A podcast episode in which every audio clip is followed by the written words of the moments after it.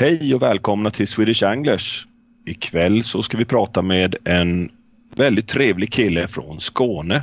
Och det är jag och Christian Ottosson som eh, sitter vi här vid rodret och vid vår sida så har vi Kalle Östman. Tjena Kalle! Hur är läget? Tjena! Tjena tjena Palle! Jo det är bra. Det är bra. Det är jättebra.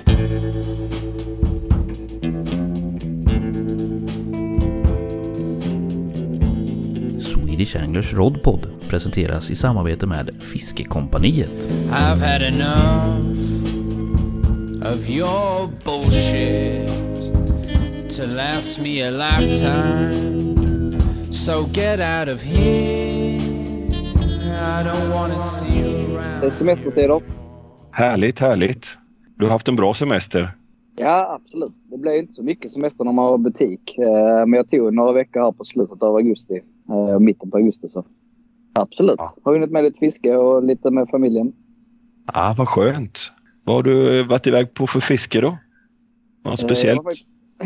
Jag var, uppe i... eh, Förra veckan var jag uppe i Mikael Grenseles vatten uppe i Ängelholm där.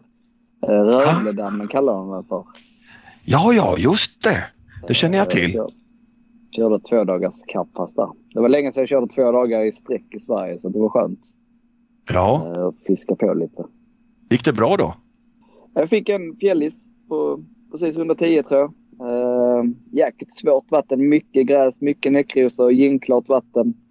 Eh, lite som franska små dammar och sånt. Så jag gillar det fisket. Så att, eh, till slut hittade jag två fläckar som kunde leverera en fisk och en tappad. Ja, vad, vad spännande alltså. Var det ytfiske du höll på med eller? Nej, faktiskt. Jag försökte på ytan men Ja. de, eh, de ville inte. De, eh, nej, de tog på botten. Mitt bland näckrosorna så det var en hård fight där. Eh, Kul. den ena gick i hoven och den andra ramlade av tyvärr. Ja. ja, man får ta det också. Ja, jag är så nyfiken här vet du för jag vann ju ett sånt eh, presentkort där på eh, en fiskehelg i Rögle, Rögle syndikatet där som ligger vid Ängelholm så jag är lite nyfiken på hur det funkar. Jag har ingen aning om vad det är för ställe. Vi vann det förra året på Swedish Carp Challenge, eh, Robert Österlund och jag, när vi kom tvåa då. Ah, okej. Ja, Vi har ha inte utnyttjat det. ska dit. Så. Uh, jäkligt kul vatten. Jag var där för första gången för sex år sedan faktiskt. Eh, och skulle väl fiska men uh, det var en speciell tjej som skrev till mig och frågade om jag ville träffa hunden istället. Och idag sitter jag här gift med samma tjej. Så det var väl värt det. Att köra hem Ja. den kvällen. Ja, helt klart, det måste det ju vara då. Det får man väl faktiskt säga. Nej men Rögledammen var den är speciell. Den är häftig som tusan. eh, men utmanande för alla som fiskar. Ja, det här kan ju verka för lite förvirrande för att eh, det heter ju Rögledammen där nu då. Men eh, sen finns det ju Rögledammar också och det är ju något helt annat. Ja men exakt. Jag vet nu när jag la ut bilder här på fjället så var det folk som ringde direkt och sa Ja men har Rögle blivit syndikat? Har ni stängt Rögle nu? Ja, ja. Folk blev lite nervösa över att det var den men nej. Det finns två olika Rögle i Skåne. Ja, ett vid Ängelholm kan man säga då och så det andra vid Lund. Ja men exakt. Mm. Och det är ju det här vid Lund lite som vi kanske ska komma in lite på ikväll här och prata om. Det är ju väldigt spännande dammar de där fem dammarna som ligger där och du är ju nästan född i någon utav dem. Ja, ja men det kan man väl säga. Ja, Eh, Jag är faktiskt född i Göteborg men vi flyttar snabbt ner till Skåne igen eh, där mamma är från. eh, Och bosatt oss då i Dalby och det ligger tre kilometer därifrån.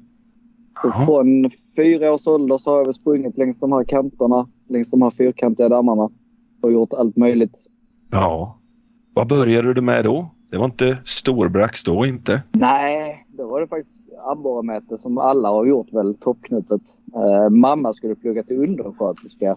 Eh, så hon eh, ville vara ute i naturen och plugga. Så då satt vi Mm. där och pluggade. Eh, eller hon pluggade såklart och jag sprang och fiskade. Och sen var det faktiskt regnbåge under många år jag fiskade. Och sen så ramlade jag in på mätet där. Och då blev det ju en helt annan värld. Ja, ja. Fanns det ens brax då när du började där? Inga stora va? Nej, faktiskt. Jag har lite suddiga minnen men där hänger faktiskt en bild i boden när man köper fiskekort. Så står det en eh, glad kille där i camoväst. Det är inte jag men det var en fiskekompis då. Och då la gubbarna nät i den 4 och 5 för att få kräftbete. Då fick de en på 4,1. Så säger jag, fan det här måste vara det nästan 20 år sedan, de inte mer. Ja, ja. Det var där det började kliva på lite. Ja. Ja, exakt. Det var stora ålar också någon gång i någon ryscha där. Jaså, stora ålar med? Ja. Ja, den var stor som satan. Men eh, svagt minne. Väldigt suddiga minnen från den tiden. Ja, det är ju kul att höra om det där alltså. Man, va, vad är Rögledamma liksom? Det, det, för, för den som inte har varit där, hur kan man beskriva det och var kommer det ifrån? Från början är det ju faktiskt vatten, färskvatten till Lund stad. Så det grävdes ju på 1800-talet någon gång eh, för att vara färskvatten. Då grävdes de här fem dammarna. Eh, de började väl gräva fyra tror jag det var. Sen kom den femte till eh, efter ett tag. Och sen så höll de väl bara på med vattnet. Eh, ja, det var väl in på slutet på 1980-talet där. Eller början, nej, 1980 typ. Då slutade de ju ta vatten därifrån. Ja, ja. Jag, jag har hört att de grävdes för hand också. Ja, det är det som är så jäkla kul. De är faktiskt handgrävda, alla dammarna. Ja, det är ju sjukt. Ja. Uh, där går väl lite rykten om vem det var, men det var folk som sa att det var folk som satt i fängelset och folk från mentalsjukhusen inne i Lund. Men det, det vet jag inte. Det är nog bara rykten. Ja. Uh, men man kan nästan se att de är handgrävda. Uh, om man kollar stensättningar och sånt inne vid kanterna. Det är väldigt ja. raka stenar för det mesta. Ja, det är det. Det ser väldigt, väldigt jämnt och fint just i kanterna, så är det. Ja, men exakt. Mm. Häftigt alltså. Men då var ändamålet att ta vatten då. Eh, rena vatten till, till Lund. Ja. Men, eh, men sen så nu är det fiske som gäller där. Och vad, ja. Mm, hur, när kom det igång? Vet du något om det? Det vet jag faktiskt inte exakt. Men det kan nog varit rätt så korta röster eh, som de började med det. Ja. Det började med regnbågsfisket. Om inte jag minns helt fel det här klassiska put and take-fisket. För det är ju faktiskt det är det mest känt för här nere kan man väl säga. Det är ju faktiskt regnbågsfisket då i damm 1 och 2. Ja. Mätet är det ju inte lika poppis kanske hos allround-fiskaren.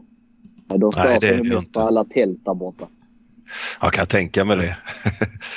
jag, jag, jag, har faktiskt en kompis som eh, flyttade upp från Lund, eh, Pelle Svensson hette han, eh, när han var, ja det var väl i sjuan, sexan, sjuan eller något sånt där.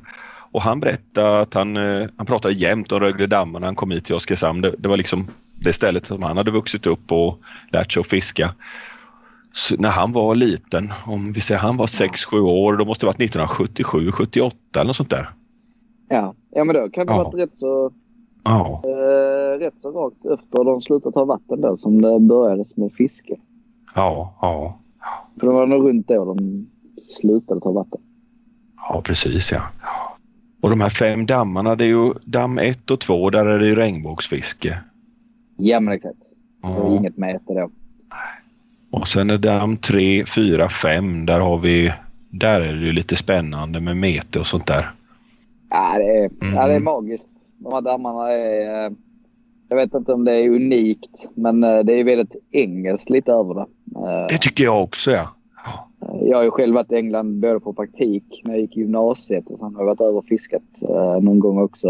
Eh, och det är väldigt likt de här commercial vattnarna liksom. Eh, med mm. väldigt stora fiskar av alla arter. Där är ju nästan allt det stort där Ja det är det.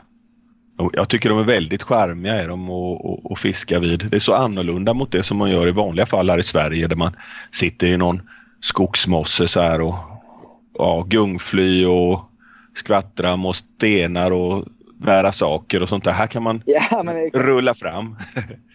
ja, men det är bekvämt fiske. Det är inget snack. Det är ju liksom eh, klippta gräsmattor typ runt armarna. Eh, jag tycker väl själv att vi borde göra någonting åt biblioplatser i damm 5 lite bättre. Men det är ju ja. också ett naturreservat eftersom det ingår i det här Skrylleområdet. Precis, vi får inte göra något... hur mycket som helst. Nej, ja, det är till för alla verkligen. Ja men exakt. Även de som inte är fiskeintresserade. Så Nej, exakt. Ibland kan man känna sig att folk fnyser lite så här åt Rögle dammar så här, som om att det vore för bra och att det, ja, att det är för tillgjort och sånt där och alla fiskar på samma ställe tycker de och sånt där. Men jag tycker det där, det där man ska åka dit och, och, och testa och fiska så här. Det är riktigt charmigt tycker jag. Ja, men det är nog, jag håller nog med där. Eh, Man läser mycket på forum och sånt så är det rätt mycket hackande mot just Rögle. Att det är åka och hämta fisk och sånt. Och Ja, det, är, det är klart det kan vara det också. Eh, Men jag vet inte. Det är inte, det är inte världens lättaste fiske och det är inte alla platser som ger fisk heller eh, såklart. Nej. Men jag, ger man bara Rögle en chans. Jag tänkte på dig Palle, du var ju där i Ja. våras så är det jäkligt tufft fiske. Ja, jag har varit där flera gånger och haft tufft fiske. Jag trodde det var så lätt för första gången jag åkte ner det var eh, en sommar för två år sedan. Och jag, och jag kastade ut och fick en, en brax på 6 och f- 6450 eller något sånt där. Eh, nästan med en gång och sen fick jag en på 6 och 2. Det här kändes ju jättelätt och det nappade på. Jag fick några stycken 4 kilos och sånt där. Och sen eh, tänkte jag nu att nu ska jag ge det en chans i våras och åkte ner. Och då satt jag ju en vecka och blankade nästan kan man väl säga. Jag fick någon abborre och någon tre kilos brax men det var inte riktigt vad man jagade där. Så aj, jag det fatt, är ju jag, så. Ja, och jag tänkte, jag, vad fasen gjorde jag för fel tänkte jag. Jag satt och grubblade länge över det. Jag grubblar fortfarande över det. Så tänkte jag så här, men jag ska åka ner på sommaren och testa så här, det, då, då ska det vara lätt. Men Mm, eh, mm. fasiken, jag, jag fick inte till det första resan ner heller i, i somras här nu. Jag, Ja just det, du var nu inte. för någon vecka sedan. ja. eller, eller jag var ännu tidigare i somras var jag. Jag var två gånger under semestern och fiskat. Ah, okej. Men eh, ja, första gången gick inte alls heller. Jag fick en sutare fick jag som var jättefin på tre och ett halvt men eh, ingen brax den gången. Och sen nu var jag en gång till och då fick jag ju en 6 kilos brax strax över 6 kilo och sen en 5,5 kilos brax också. Och så en sutare till på tre och ett halvt där. Det kanske var samma fisk som... Ja, det är nog samma faktiskt tyvärr. Ja, ja den var För att förstöra 61. glädjen, men det är kul ändå med återfångster. Men eh, Ja. tyvärr är det nog samma, Ja, det är det nog. Ja. samma individ just nu. Precis. Så jag, ja, jag tänker så här efteråt när jag pratade med min kompis som jag fiskade ihop med sista passet. Han blankade, det gjorde han helt. Och vi, ja, han fick någon fiskar i trean förresten, det stämmer, någon fem kilos där. så jag ska inte säga att han blankade, det var, det var bra. Men eh, vi sa det, fasen vad svårt det är. Det är inget lätt Ja. vatten. Nej, är-. Det- Man kan inte plocka fram ett recept för det, eller jag kan inte det i alla fall. Tänkte kanske, har du några goda tips? Eh, ja, det tänkte jag blankade faktiskt ett karpas här. Eh, Jag körde två nätter, jobbade på dagarna och fiskade på nätterna och blankade faktiskt då. Eh, men till mitt försvar tänkte jag säga att alla blankade just de två nätterna där ute. Ja, Eh, Men alltså egentligen, jag, jag är väl rätt enkel braxfiskare. Jag har hittat en melodi som funkar för mig. Då är det mäska med pellets och partiklar. Då är det alltså hampa mest i min partikelblandning. Eh, och sen röda maggots. Röda maggots för mig är väl det bästa betet som finns liksom till allt. Känns det som inom ätet. Vi- Vita funkar ju inte. Så är det. Eh, det, det går inte för mig. Ehm, och sen så är det korta boltriggar med en stinkande PVA-sticka och sen så plastmaggots eller plastmajs dippade helst i någon monster crab riktigt stinkande. Det har funkat bra genom alla år. Ja, ja det Ja, låter ju precis eh, som, som det var mina grejer du beskriver här. Ja, precis så exakt. fiskade jag ungefär. Sen Mm. har jag väl också varje pass kör jag såklart ett spö med det här safecardet om man ska kalla det för det. Sen kör jag alltid något nytt eller någon ny smak på det andra spöet bara för att testa sig fram. Eh, Mm. För det kan ju faktiskt vara något annat som fiskar bättre. Ja, ja. Jag vet vissa har haft jättebra på söta grejer. Men för mig funkar det här stinkande. Eh, Har funkat jättebra under alla år. Då ja. kör man ju faktiskt vidare på det. Nu när jag var nere då satt ju en kille mitt emot. Han satt på dammen mellan fyran och femman där. Han hade riktigt bra fiske på eh, dumbbells eller om det var boilies. Någon, någon, ja, någon boil i alla fall. Om det var dumbbell eller om den var rund. Jättebra. Karpar och Ja. braxar och de bara drog han och hans, eh, hans ungar. Ja, okej. Ja. Men det är just det här med plast. För mig är väl på grund av kräftorna. Det kan Ja. vara ett jävligt problem där. ja Eh, visst. Därför gillar jag att köra plast. För då är man rätt safe på det. Ja. Eh, Då vet man att det ofta sitter kvar. Ja visst, jag hade faktiskt så att de plockade bort eh, plast, eh, jag hade såna plastbloodworms hade jag. Som jag satte några stycken på kroken så. Ihop med och så hade jag bara ett eh, plastmajskorn på håret. Men jag trädde på några sådana plast eh, bloodworms då, men de lyckades de plocka bort hela tiden, kräftorna. Ja, Jag tror det var de i alla fall. Men, mm. Det var de lite kan vara riktigt jäkliga faktiskt. Ja. Kan det vara. Ja, Det känns lite som när man fiskar där nere. Det är alltid någon som har bra fiske. Men sen resten av de som fiskar, de har ganska dåligt fiske. Så det känns som om fisken, de är på någon plats och står Ja, men så där. kan det vara. Ja. Jag håller nog med om lite. Damm 5 inte minst kan verkligen vara så. Ja. Uh, Damm 4 tycker jag mer att de rör sig rätt mycket. Man brukar ofta säga att de kommer från ett håll liksom. Eh, Ah. Men sen är det väl det här röret mellan fyran och femman. Uh, där Forsén satt i våras när du var nere. Det är väl Ja. den fiskplatsen som flest folk sitter på. Den är lättast att komma till såklart. och, eh, såklart så fångar man väl mer fisk där för det är ju nästan mäskat från april till ja, oktober nästan. Ja, ja, det är en bra Då blir plats. det ju såklart, ja exakt. Den är ju smidig och lätt. Mm. Inget svårt fiske. Nej, precis. Ja, ja här är spännande. Jag, jag kan inte riktigt släppa de där dammarna bara för att eh, det, för det krånglar sådant. Jag vill liksom hitta en bra taktik känna att man har koll på läget men nej, inte riktigt än. Nej, nej men det är väl ett litet bevis på det här. Det är inte bara att åka ner och kasta ut. Nej. Äh, men sen kan det som sagt vara så också. Jag kommer aldrig glömma. Jag hade inne några specimenmätare i många år sedan nu. Eh, de ville bara ha den här reggbraxen. Liksom. Det var 4,5 det är väl regel 4,6. Mm. Jag gav ju dem tips hur jag gjorde och liksom så här ska ni kasta ut. Och då bodde jag faktiskt nästan bredvid dammarna i ett hus jag hyrde där. Uh, så jag sa jag kommer ut efter jobb kan jag liksom visa lite mer och hur ni ska göra och sånt. Ut stack de från butiken. Klockan var fyra kanske. Jag kom ut där vid halv sju. Då satt han ena. Han hade ett leende från öra till öra. Då hade han fått sin regnbrax. Eh, det är det som glädjer mig. Liksom. Det är när folk lyckas där ute ja, Eller lyckas Ja. med allt fiske såklart. Men just Rögle är ju så varmt om hjärtat. ja visst fasen det. Det är skoj. Eh, Ja, så är det ju. Ja. Men det kan vara tufft. Eh, Rögle har, eh, mot mig har de inte varit snäll sista... Ja, okej, förra året var det ju bra, men i år var det tufft. Kör alltid Ja. samma dagar där i maj. Fick, jag fick två braxar med. Det var över 6,5 men man trodde man skulle ha racefiske. Men det är inte alltid man har det. Nej, du fiskar alltid på din födelsedag va? Du har lite som tradition. Alltid födelsedagen. Det är en ständiga tradition. Det har jag faktiskt gjort sedan eh, gymnasietiden då jag gick fiskegymnasiet. Första Ja. åren så var det såklart lite överallt i Sverige på grund av praktik och sånt. Och sen har jag varit i Tegelborgsdammen någon gång. eh, Men Rögle har det varit sista åren. Så det fick frugan reda på tidigt att eh, jag är ute på min födelsedag. Ja, det är gött. Ja. Men vilket datum är det? Bara så att 15 alla maj vet. där. Runt 15 maj. Ja, Det brukar då- vara bra fiske. Ja, just det. Då håller ni er undan från eh, Rögledammar 15 maj. För då ska Kalle fiska där.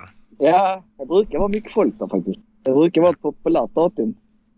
Ja, ja. kom ju någon 8 kilos förra året. Tommy Ström heter han va? Färgsjön just där det. ute. Ja, han fick en riktigt fin En där. äh, jäkla... Ja, 8 3 vägde väl den. Ja, den var och snuddade på rekordet precis. Han skrek ju till och med att det var rekord. Om inte minns Ja. fel. Så vi sprang ju dit ett gäng och skulle väga om den där ju. Men då vägde Ja. han ju... Ja, då stannade ju vågen på 8 3 Så Ja, just det. det lite surt. Men om man tittar på braxarna just då i, i damm 4. eh, Väldigt stor Mm. brax i damm 5 också men, men där eh, vad jag har hört så finns det tre individer som under våren då kliver upp över, tre, över 8 kilo. Kan det Ja stämma? men exakt. Ja, Känner du till dem?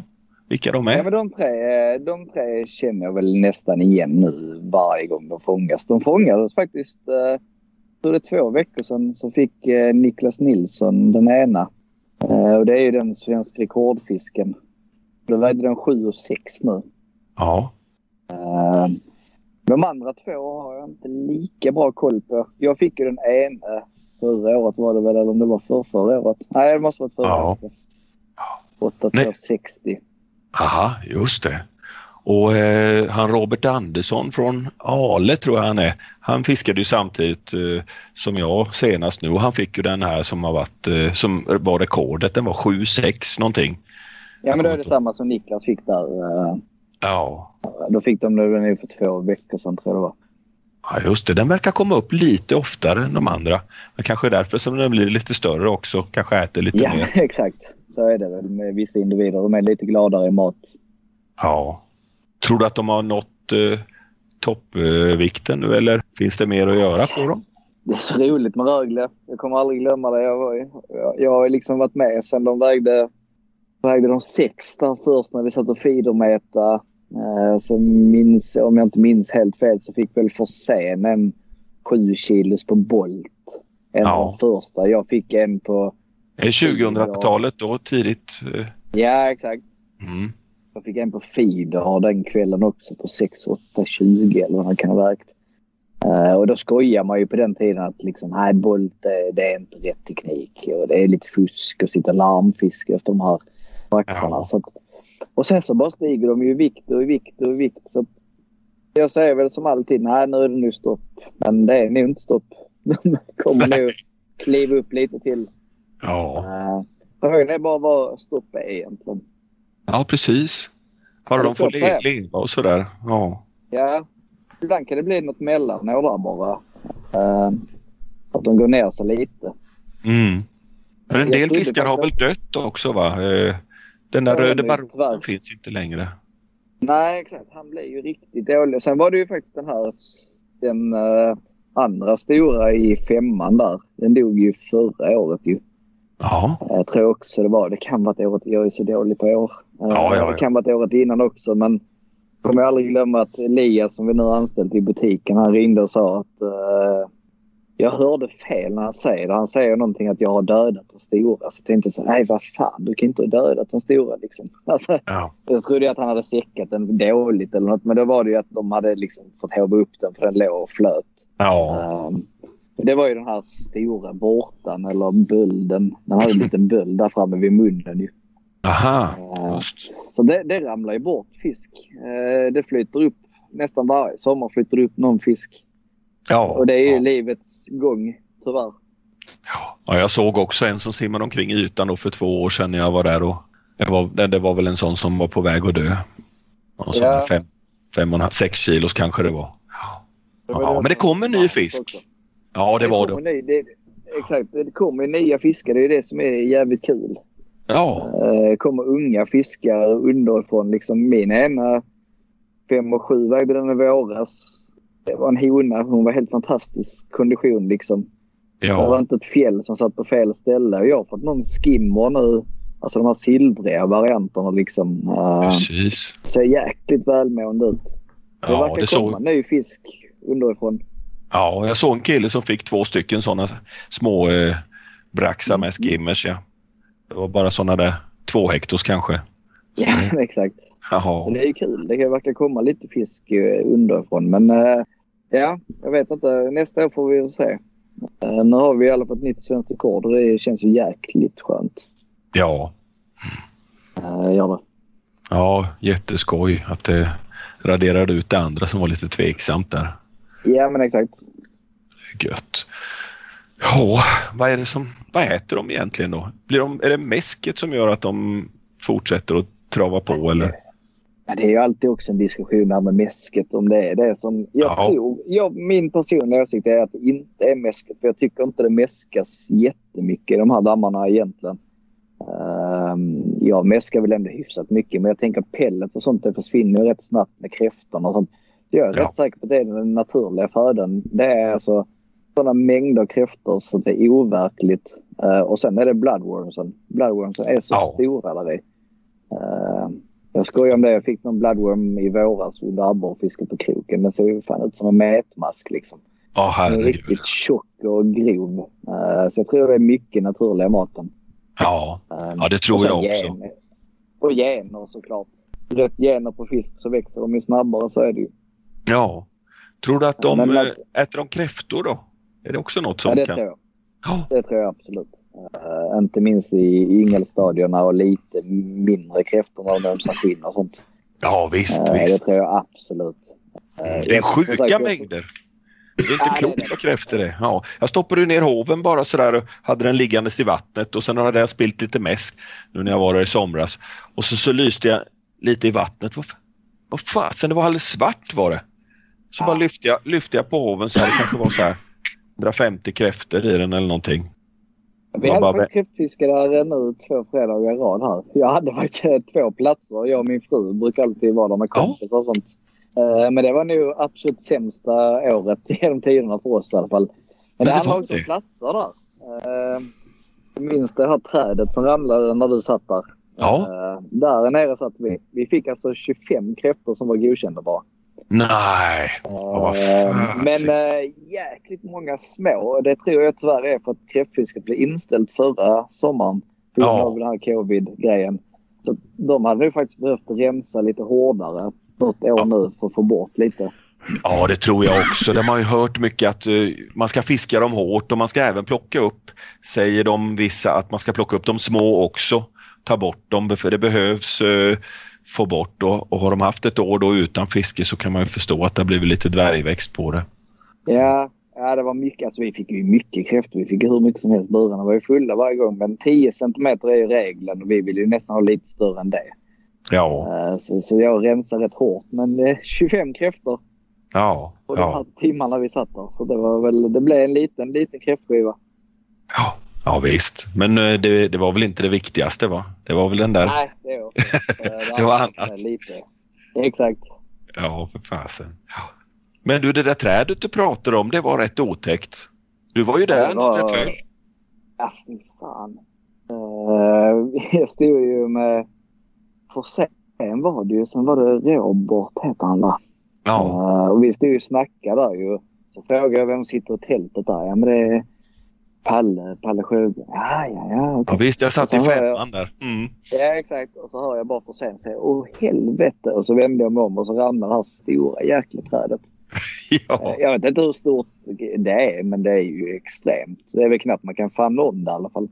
ja, det var helt galet eh, stort var det. det var som, jag Ja. trodde att det var ett flygplan eller någonting som, som kraschade eller sådär.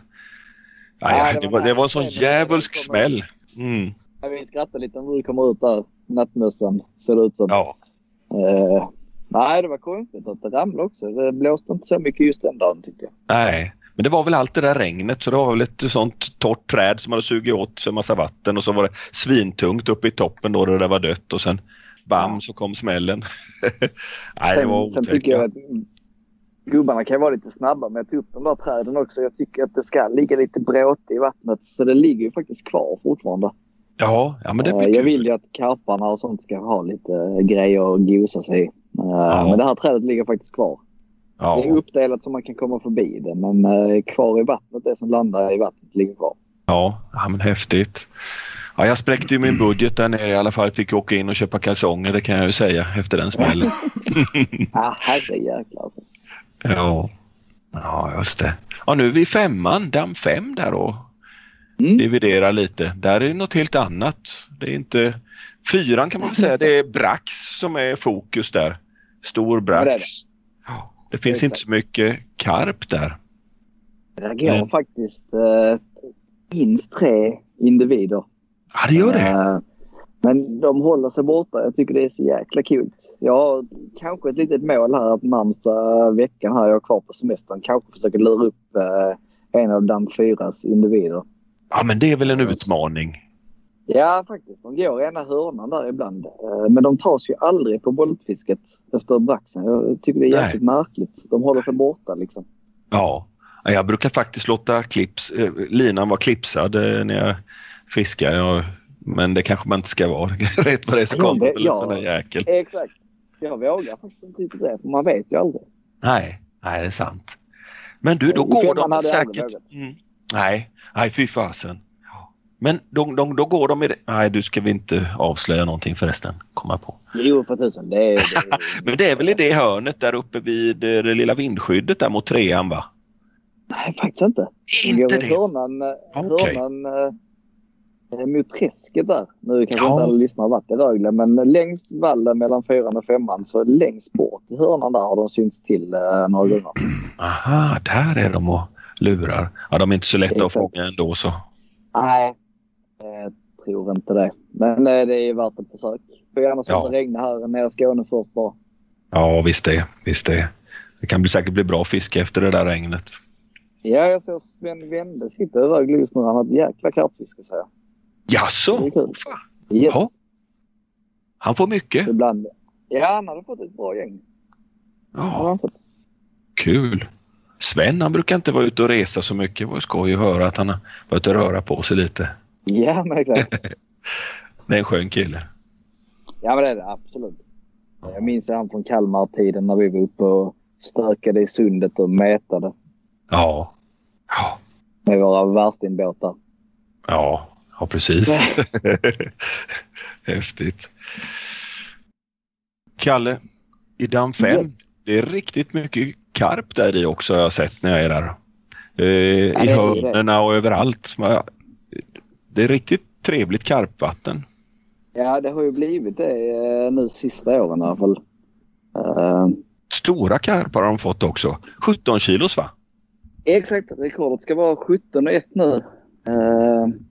Så det är helt fantastiskt. Uh, hur Ja. det kan komma upp så stora karpar också i de här små dammarna. Ja, det är häftigt det är det.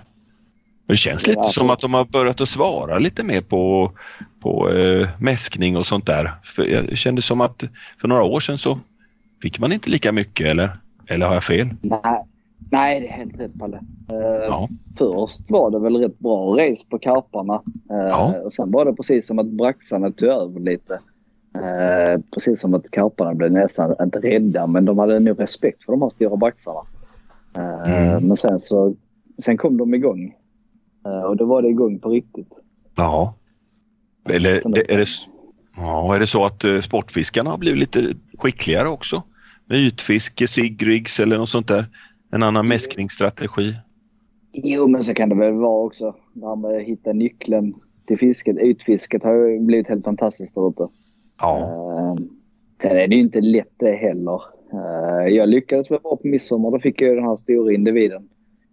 Uh, tyvärr har tappat till 14 och 7 vägde den väl. Ja, just det. Den, Ja, 14 någonting. Jag kommer inte ihåg exakt. Men eh, de kan tappa riktigt mycket karpar alltså. ja, Fak- absolut. Ja. Ja, faktiskt en karp i Karsöl som vägde 16 och 6 i våras.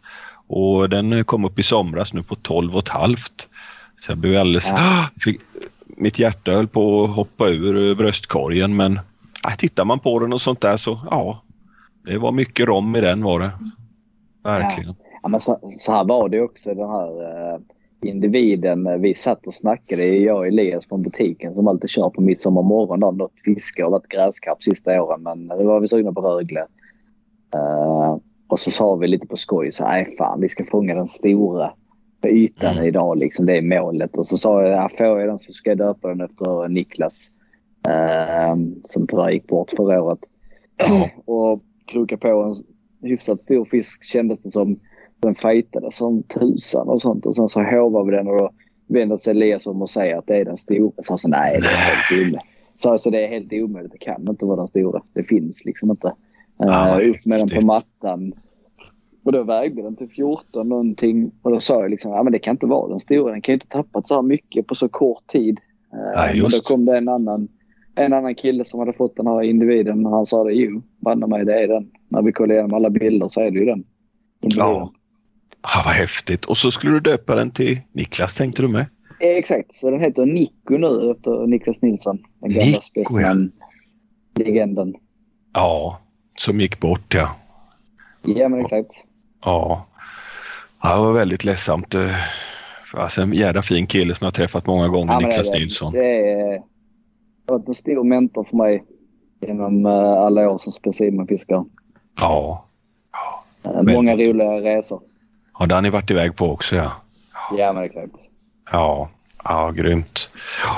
Och Niklas eh, satt väl väldigt ofta och fiskade där vid den där björken jag hört talas om i fyran. Ja men exakt. Ja, men Lite är det. hans Han är Favoritplats. Ja men så är det Mm. absolut. Ja. Ja. Han kunde väl de där dammarna också, liksom du, lite som sin egen Ja. flicka. exakt. Ja, men han har också varit med sedan börjans tider Mm. kan man väl säga. Ja. Ja, just det. Sen har vi ju Brännis också. Det är en del profiler som håller till där nere. Ja men så är det. Ja. Absolut. Han fiskar väl inte så mycket nu, Brännis, men han, han har ju gjort. Nej men han, han, han är ju där ute. Han jobbar ju där ute för de här skrulla Gordon han är en av de här herrarna som är där ute. Ja, Så att han har gjort mycket för Rögle, det får man inte säga någonting annat om. ja det kan jag tänka mig. Ja, Från början fick man väl inte ens eh, tälta där och fiska va? utan man fick tälta någonstans vid sidan om eller någon annanstans och fiska på dagarna. Ja men så var det ju. Det var ju faktiskt då det började braxfisket. Det var det jag pratade om innan. De här, när de började gå upp mot sju kilo där. Då var det fortfarande nästan inte nattfiske utan det var ju halv åtta till solens nedgång senast klockan om det var nio eller tio. Ja, Eh, så då var det lite annorlunda. ja. Det är för jäkla väl. då. Ja, precis. Ja, ja men det var, lite, det var en kul del av fisket också såklart. Ja, Ja. Det är mer spännande på ett sätt. Det är nästan springa ner till platsen liksom och ja just det. på plats. Det har sin skärm det också. Bra för, kilo, för kilorna i alla fall. ja men så är det. Men eh, ja, från början när man fiskade i de där dammarna då var det mycket fiderfiske då kan jag tänka mig på, på brax, Ja. braxmetet. Enkla riggar och Ja, det var um, alltså, ja, ett pasternoster. Jag körde det här loop-tacklet kallar de det för. Just det. Ehm, så gjorde man några öglor där längst ut och sen så en bit plocka båntafs. Då var Ja. det jord, jordgubbsmajs var det bästa på den tiden. Jag kommer aldrig glömma det. Man jagade de här peska-viva-majsen överallt. Ja, just det. De kommer jag ihåg. De kan man knappt få tag i Ja. längre tycker jag. Nej, ja, men de var, det var toppbetet i Rögle. Ja, just det. Och det där looptacklet är ju typ som att man gör, ja, det blir som en loop mitt på som, som eh, feeden glider på fram och tillbaka så det blir som en typ av tjockrigg. Det är väl den du menar va? Ja, men exakt. Mm, just det. Det var länge sedan jag Ja, såg någon fiska på, på det sättet. Mm. Sen kom det igång med lite boltriggar och sånt också. Method feeders. Ja, ja men sen, exakt. Det var väl först method feeders eh, under många år. Eh, och sen så var det väl några som började köra med PVA-stickor och voltriggar. Ja. Och då eh, snackar vi lite om typ eh, helikopterliknande riggar. Kanske. Eh, nu? Ja, med sänket längst Ja, jag- ner och sen, ja, och så en Nej, låst. Jag kör inte så. Jag kör vanligt eh, karptackel. Ja, du ser Eh, så ja, med. LED-clips och grejer. LED-clips Ja, och men sånt. exakt. Mm. Just det. Ja, det är ju lite smidigt ju. Det är ju smidigt om man kör med stickor och sånt. Mm. Absolut. Grymt. Om man tänker på mäskning och sånt där. Ja, som sagt, du pratade förut om att du körde hampa och pellets mycket så, men det finns andra metoder som funkar också. Va? Jag hörde några som gick loss rätt så bra med bara mäska, spodda ut eh, grundmäsk utan att ha i några, någon mat alls och de, de hade ganska bra fiske. Ja, men det vet jag att folk har kört på nu sista året i alla fall. Jag tänkte faktiskt köra något sommarpass här snart. Eller sommar, det blir tidig höstpass och köra gamla method feeder taktiken istället. Och så skjuta ut mäskbollar med slangbällarna. Ja, just. Eh, Klassiskt mäte liksom. Inte det här eh, bolltacklet. Nej, just det. Mm. Ja, det är spännande. Vi får väl se. hinna Ja, med får se. Ja, man ska ju det. Det är tufft för dig nu när du har butik och, och eh, mycket extra att göra och hålla, hålla ordning på kan jag tänka mig. Ja, Så är det ju. Men det är väl livets gång också att man inte hinner lika mycket fiske. Eh, Men vi hinner ju ändå hyfsat mycket. Vi kan ju köra där innan jobb. Vi börjar tio på dagarna. Eh, Så då hinner man ändå köra några timmar. Ja, ja det går ju fiska över natten då.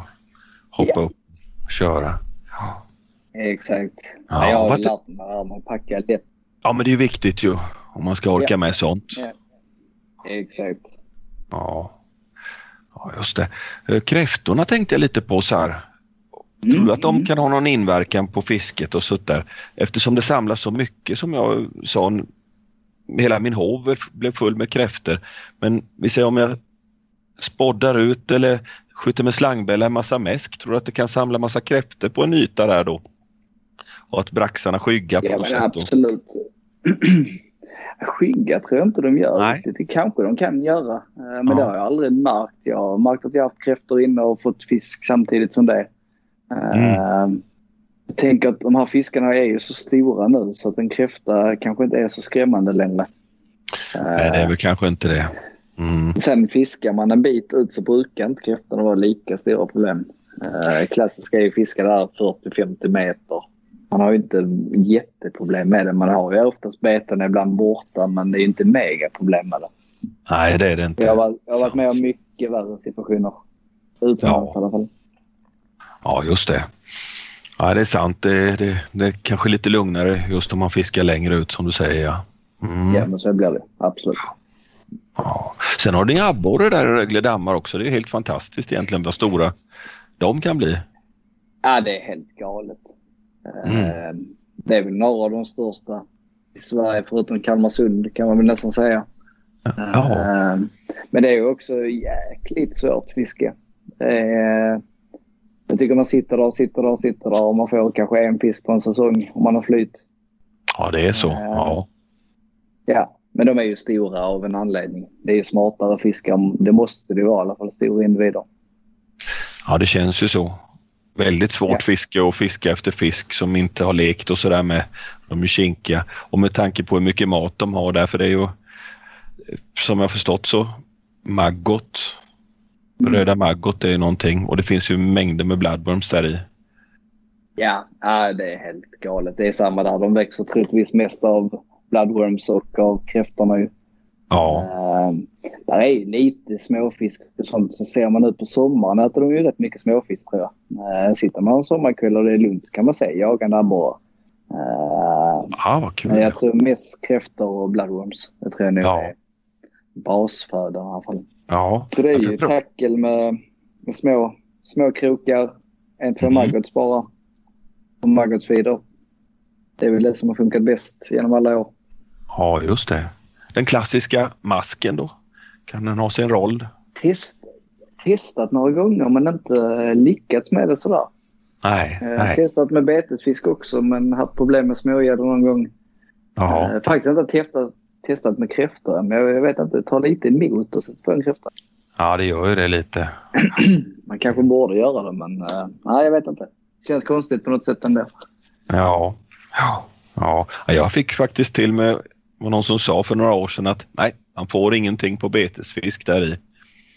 Men eh, nu när jag var i, det var ju visserligen efter leken här, men fick jag tag i några små mörtar och jag lyckades faktiskt få abborre på det. Det var kul. Och sen hörde jag efteråt hörde jag ja, folk fiska med det också så att det, det var ju inget Oh ja. unikt med det. Nej. Nej, det är väl mer de här smågäddorna som kan vara problem då. Ja.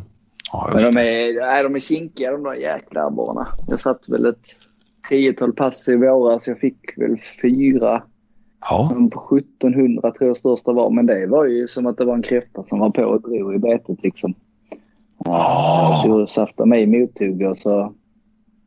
Satt en abborre där. Vad häftigt. Ja. Ja. Ja, de är så.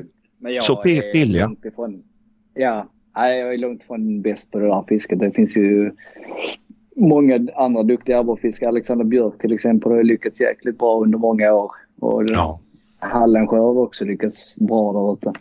ja, de får någon varje år känns det som. Ja. Någon riktigt stor. Ja, men exakt. Va, vad är de största abborrarna där som har kommit upp genom alla tider? Har vi någon sån Två här och topp ett tre? halvt har det kommit några...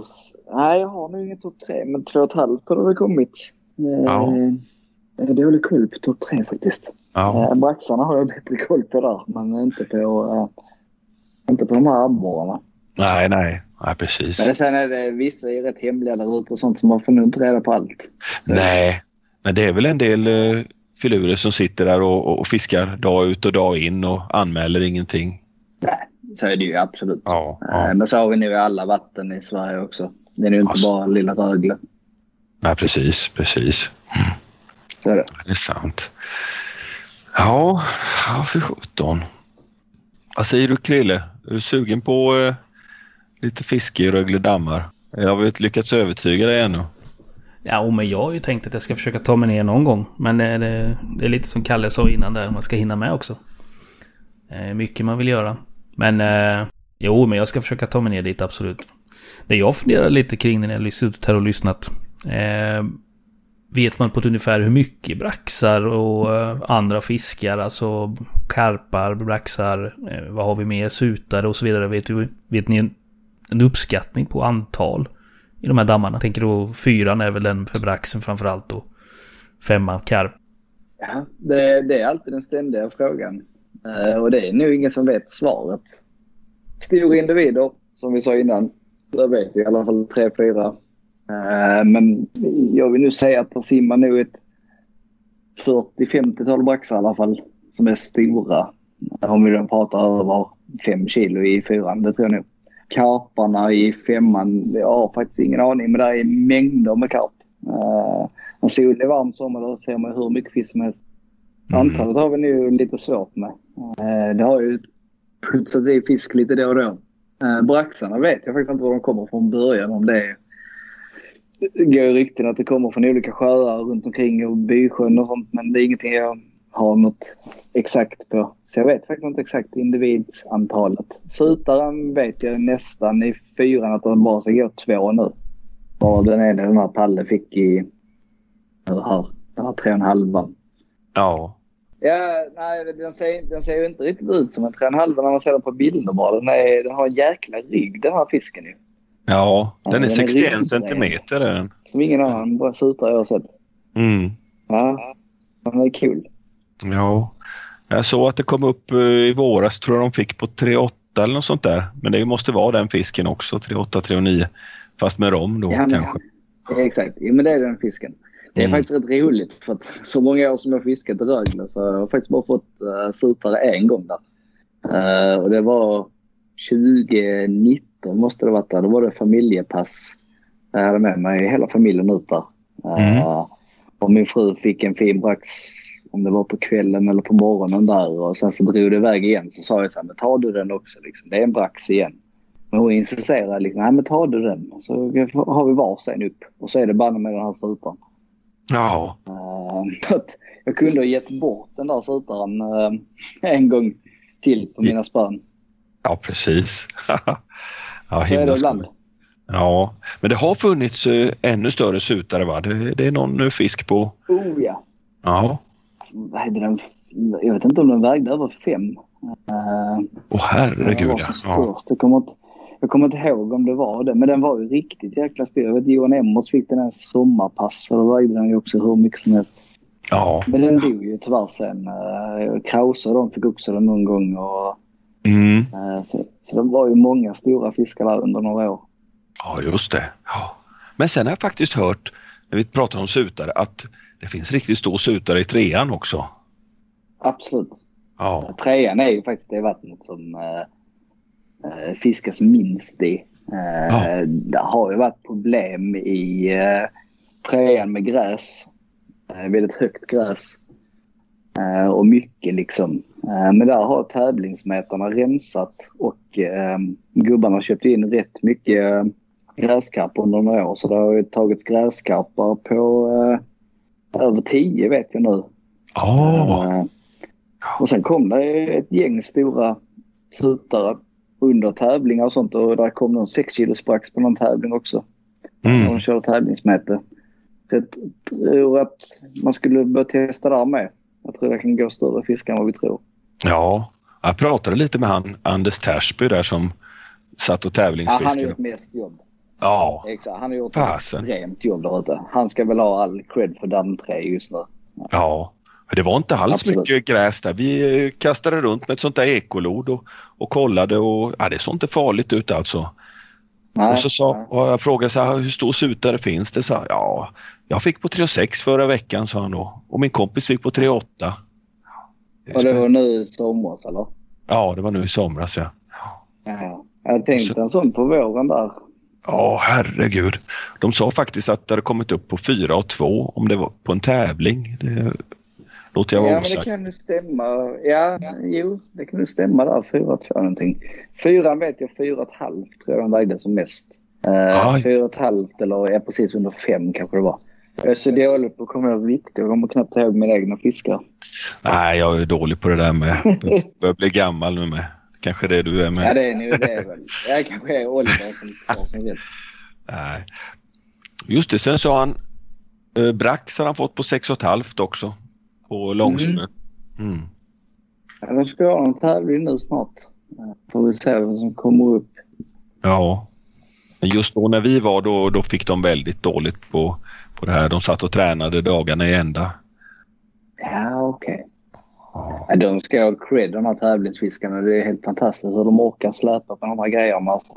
Ja, verkligen. Eh, Jag tycker vi, vi vanliga specimenfiskare som sitter fyran och femman har mycket prylar men tänkte att de drar ut allt det där för att sitta två, tre timmar och sen packa ihop alla sex, tio spöna.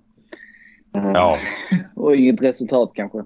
Nej, den, ja precis. Tre abborrar och en liten brax hade en fått den där dagen. Ja, eh, när jag Mm. pratade med dem. ja. Ja. Men det finns mycket spännande där som fasiken i trean va? Jag tror som Ja, tusan. jag tror... Eh, kom ju en... Eh, det, kommer också ihåg det är en massa år sedan en tävlingsmätare. Han skrev att han har fått en ruda över trä liksom. Och vi bara så nej det kan inte stämma. Eh, men det var ju faktiskt en krydda som tur var. Eller otur kanske.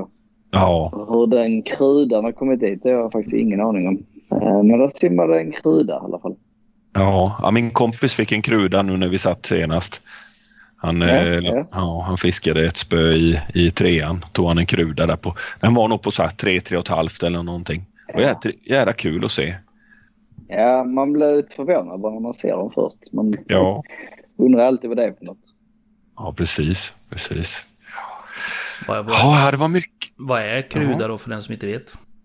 Ja, det måste vi förklara. Det måste ni förklara. Det är ju en, det är ju en blandning mellan en ruda och en karp. Eh, ser väl oftast ut som rudor. Eh, kan också se ut som en fjällkarp konstigt men det är väl det här att de har inga skäggtummar då. Eh, så rudan inte har väl som karpen ändå har. Så där ser man oftast skillnaden. Den blir sådär lite onaturligt stor för att vara en ruda. Ja, Det är väl den lättaste förklaringen. Eh, Östra dammen i Lomma hade ju någon riktigt stor kruda där under några år. Kanske simmar kvar. Eh, men eh, den var riktigt stor. Ja, det roligt att se dem faktiskt. Jag har sett någon som de har tagit upp i Stockholmstrakten där också. Någon, någon kruda i någon göl. Så Ja, häftigt okej. ut. Mm. Mm, mm. Ja, gud vad vi har pratat mycket om Rögledammar nu alltså. Ska Det vi... lätt så med mig. Ja, det blir ju det. Eh, Som, som jag sa, du, du är född där nästan. Ja, men det, ja, det får man ju nästan säga. Ja. Har du något mer att berätta om Rögledammar innan vi lämnar det och går vidare? Nej, det är väl bara att jag tycker folk ska komma till. Eh, inte minst Christian nu. Han kanske blir extra sugen nu att höra det här, men eh, kom ner och testa. Det är ett häftigt vatten där man faktiskt kan göra allt på väldigt kort tid. Om man vill. Man kan ju fiska alla arter under en helg om man ville. Ja. ja, det tycker jag också du ska göra Krille. Jag tycker det är ett eh, riktigt roligt vatten. Jag älskar att vara där nere. Jag kommer fortsätta att fiska där varje år. Det känner jag. Mm. Ja, men det låter bra. Mm. Ja, och jag ska leta mig ner såklart. Ja, men det är bra. Det är bra. Ja. Ja.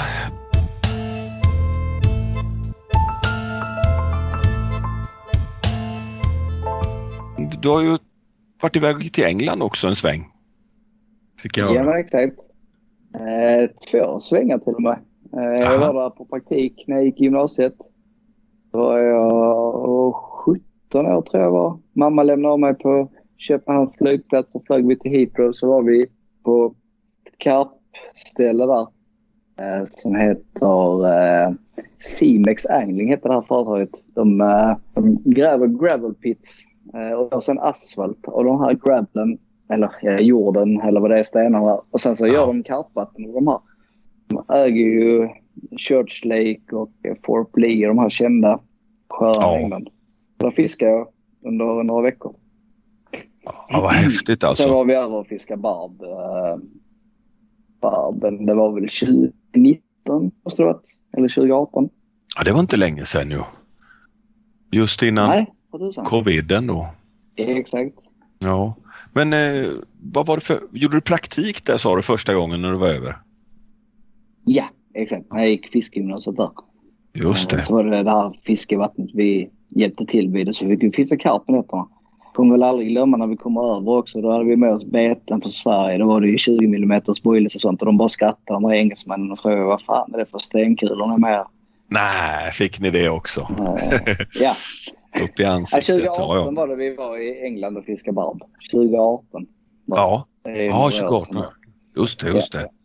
Men du gick ju på, Forshaga gymnasiet då? Nej, jag gick Nej. här nere i Skåne.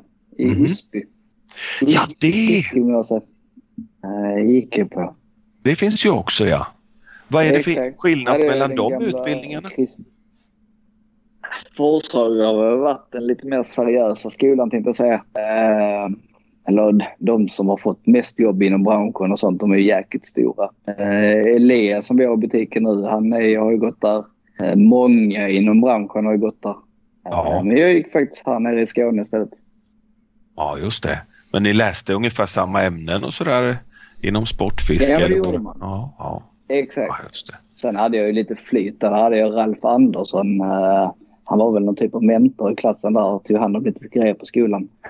Specimen, hela karpfiskaren och specimenfiskaren Ralf Andersson. Ja, visst fick han in dig på lite karpmeter där och, och kloka tankar. Ja, för fan. Exakt. Det låter bra. Ja. ja, men den här barbresan då, hur kom det sig att du stack iväg på den då? Eh, Det var ju när eh, Allan och Olli från Nash var över och fiskade här i Eurobanks. Eh, Då fiskade vi i Östra dammen en natt där. Och sen säljer vi i Nash i butiken så jag har mycket kontakt med de här grabbarna överlag. Och det är Allan, Allan Blair då? Allan Blair Ja, för som inte känner till. Och den andra heter Ollie, Olli Davis. Ollie Davis Som han. Han jobbar väl som filmare för Nash. Eh, och då sa jag väl lite på skoj men också mycket allvar att fan eh, kan ni inte bjuda tillbaka med en barbresa? Eh, för det är liksom drömfisken väl. Så, ja men det är väl klart, sa de. Och Ja, året efter så mejlade jag dem på våren och frågade liksom, ja när är det bäst säsong och sånt. Så svarade bara Allan så ja men uh, hösten är bäst, det är absolut bäst. Och sen ja, det tog några månader till. Sen helt plötsligt fick jag bara ett mejl att eh, den här helgen måste ni komma. Det blir bäst, det är bäst läge och allt är bäst och sånt. ja. Så då var det bara att boka så då drog vi över tre Mm. killar. Coolt. Vad var det som var bäst då liksom? Bäst vattenföring, Det var väl temperatur? Eller? vattenför- Ja. Exakt. Det Mm. var väl det som skulle vara bäst, eller för vattenföringen och temperaturer. ja. Var det svårt att få tag i eh, fisketillstånd och sånt där? Det fixade de va? Eh, Ja, det gjorde de väl. Eh, jag vet inte hur mycket fiske. Vi köpte ju det här Rod License som finns i England. Den var ju rätt lätt att köpa. Det köpte man på nätet. Sen Ja. fiskar vi ju inte så mycket stora vatten. Vi fiskar jävligt små. Till biflöden till både Themsen och andra floder. Okej. Eh, jag vet inte om det var, det var nog privata vatten också. Eh, Ja, men en del man kunde lösa fiskekort på kanske, dagskort eller så. ja men exakt. Men det var ju i de här lokala affärerna man körde inom och löste. Men det var, eh, det var hektiska tre dygn kan jag säga. Det var mycket bil, jäkligt lite sömn eh, och mycket fiske. Eh, Ja, ja, det var roligt. Det är nog den roligaste. En av de roligaste resorna jag gjort utomlands under alla Ja. år. vad kul. De körde runt på er där då. Fiska här Ja. lite och så här. Exakt. Vi Fisk- landade i Luton med varsin ryggsäck. Eh, lite tackelgrejer hade vi med oss. Eh, och sen mötte Allan upp oss på flygplatsen med en fullpackad sån här minibuss som de kör runt med. Och sen så var det bara ut och fiska direkt. Vi började fiska tio minuter efter vi hade landat kanske. Ja, vad häftigt. Ja, Ja, det, var, det, var, det var en riktig bjudresa kan man säga. Jag har Ja. blivit omhändertagen på det viset. ni lånade spön och sånt utav, utav de grabbarna då? Ja, ja de hade allt. Vadarbyxor, spön, sängar, tält, stolar, Ja. beten. Fiskade ni dygnet runt eller? Ja, det gjorde vi. Ja, På dagarna körde vi runda i de här små åarna och biflödena. Sen på nätterna så körde vi Themsen. Eh, Ja. och sen körde vi ett annat kul vatten. eh, där vi inte fattade när vi kom fram. För vi fiskar ju som sagt dygnet runt. Det kunde ju vara tre på natten. kunde vi ju packa ihop för att byta plats kändes det som. oh, Eh, och då, ja. då kommer vi till ett, en parkering där. Då säger han till oss rätt snabbt att vi skulle vara lite försiktiga, lite tysta, inte tända pannlampor och sånt. Så, nej, nej, nej, det behöver vi inte göra. ja. Eh, Så sa han så, sen är det jäkligt viktigt att vi är borta tidigt på morgonen. Ja. Jaha, okej. Liksom, ja, ja, då får vi ju vara det. Så gick vi och gick och gick. Jag tyckte det var konstigt för det var jäkligt skönt att gå där vi gick. Liksom. Det var mjukt och skönt. Så jag Ja. Jag tände med mobilen bara för att kolla. Då gick vi på en golfbana. Då gick vi rakt över någon Ah. green där. någonting. Där fick jag ju en färma som var helt fantastiskt stor. Där måste vägt över tre. Eh, Okej. Fick tyvärr ingen barb den natten. Men den var ju hur stor som helst. Eh, Ah. Sen, sen var vi så trötta att vi slog väl igen ögonen där. Men vi vaknade också av att det kom en gräsklippare där på morgonen. ah, just Men då det. var det bara packa ihop. Säga Smyga iväg. Sorry. Ja, säga sorry på lite dålig svenska och engelska. Ja, det var spännande. Det var Ja. jävligt kul. Men fick ni några barbar då? Hur många? Fick ni stora eller många? Eller? Nej, vi fick inga stora. fick vi tyvärr inte. Eh, Det blev ju dåligt fiske. Det blev ju ett eh, extremt lågtryck när vi såklart kom dit. Så det regnade ju typ också hela resan. Eh, Ja. Men jag fick en rätt snabbt första kvällen. Eh, den här lilla ån var jäkligt kul. Jag tror den hette Lee, River Lee eller något sånt. Eh, Ja. Det var ju vilda karpar i den också. Ah. Så innan det blev mörkt så gick jag iväg och frilina karp där med Allen. Fick några riktigt vilda karpar. Och sådana, just det. Sådana riktiga wildies eller vad de kallar dem för. Ja, de var riktigt coola. Någon spegel och någon fjällkarp som var riktigt läckra och någon stor färna där också mitt i. Jag kommer ihåg, jag hade i hoven, där hade jag en fjällis, en spegel och en färna i hoven samtidigt. Tre utlägg med brödbit. Eh, Det var Ja, rätt stökiga. De är, de är rätt explosiva de här grabbarna. Det ska hända snabbt. Ja. Jag tror faktiskt vi lyckades med målet att alla fick ju varsin barb i alla fall till slut. ja, men det är ju kul. Eh, Ja, faktiskt. Det var ju målet Det skulle, med resan. det skulle räcka för mig och liksom om, om jag skulle åka över så skulle jag vara jättenöjd med att, att få en, en barb alltså. Ja, ja det är, jag säger alla som kan uppleva det bör väl försöka. Som specimenmeter i alla fall. Uh, jäkligt coola fiskar. Ja. ja, det är något som man måste göra. Det, det, det känner jag också. Ja. Synd att det inte finns i Sverige bara. Nej, precis, precis. Det hade varit väldigt skoj. Men annars finns det väl lite utspritt kanske. Finns det i Tyskland? Vet du det? Tror det finns i Tyskland. Eh, Jag, Ja, inte tror jag. Jag är dålig. Ja, jag tror det. Mm. Polen har jag nog lyckats googla mig till att det ska finnas. Men eh, jag har inte lyckats luska ur var heller. Än så länge. Nej, exakt. Sen Mm. finns det väl olika varianter av dem också. Eh, Ja. Precis som med karpar, liksom, att det finns olika. ja, precis ja. Eh, några som blir jäkligt stora och Mm. vissa som är några mer normala. Jag kommer ihåg de man pratade förr om att det fanns iberisk barb nere någonstans i Spanien och sånt där. De skulle Ja, bli riktigt stora men ja, Jag det- kan inte se skillnad. Iran? Nej, jag tror Iran eller Irak har också någon sån helt brutalt stora aha. uh, barbar. Uh, nej, det är en kul fisk. Åk över om ni får chansen. Det säger jag till alla som lyssnar. Ja. Ska vi åka Krille? Är du sugen? Det är ju en målfisk, absolut. Den har, Ja, jag, har jag sagt flera år att jag ska ta mig någonstans och fiska barb. Men eh, det har inte blivit av än. Det är svårt att få, få ihop det med, med familj och annat. Och så finns det så mycket roligt fiska hemma också. Så att, eh, men Ja. eh, en, en barb, eh, det ska det bli. Sen var någonstans om det blir i England eller någon annanstans i Europa. Det, det låter jag osagt. Men målet är att inom ett par år i alla fall försöka ta mig iväg. Mm. Ja, det måste en, man ha på sin Ja, men- bucket list. en veckas fiske någonstans i, efter barb hade varit kul. Ja, vi snackar faktiskt om det också. Att, uh, ja, nu är det klart Brexit har ju kommit också men corona där. Uh, fan åkt ner en bil. Det behövs ju inte jättemycket utrustning egentligen. Uh, så man kan ju ändå vara nästan tre killar i en vanlig bil känns som. Uh, och köra, jag vet. Norra från Rutulus var jag över rätt många gånger och körde. Uh, barb och sånt ju. Uh, Mm. och detta måste varit på 90-talet. Det inte ens var på 80-talet. De bodde väl i någon sån här eh, pub någonstans. Någon bodde hemma hos Mick Brown och de. Eh, fiskar man ju på dagarna så kunde man ju sova inomhus på nätterna liksom. Det är ju jättebekvämt och skönt. Ja, exakt. Jag tror inte Men- det är något omöjligt egentligen. Nej, men hur tar man sig över med bil? Eller måste man hyra bil där eller? Förut gick Nej, det tror jag väl... inte. Nej, inte fasen. Förut gick väl det väl färjor va? Ja, men det går nu fortfarande de här färjorna och den här Eurotunnel. eh, Det här tåget man kör på bilarna. Just det, man tar sig över till Mm. Danmark och sen från Danmark så går färjorna och...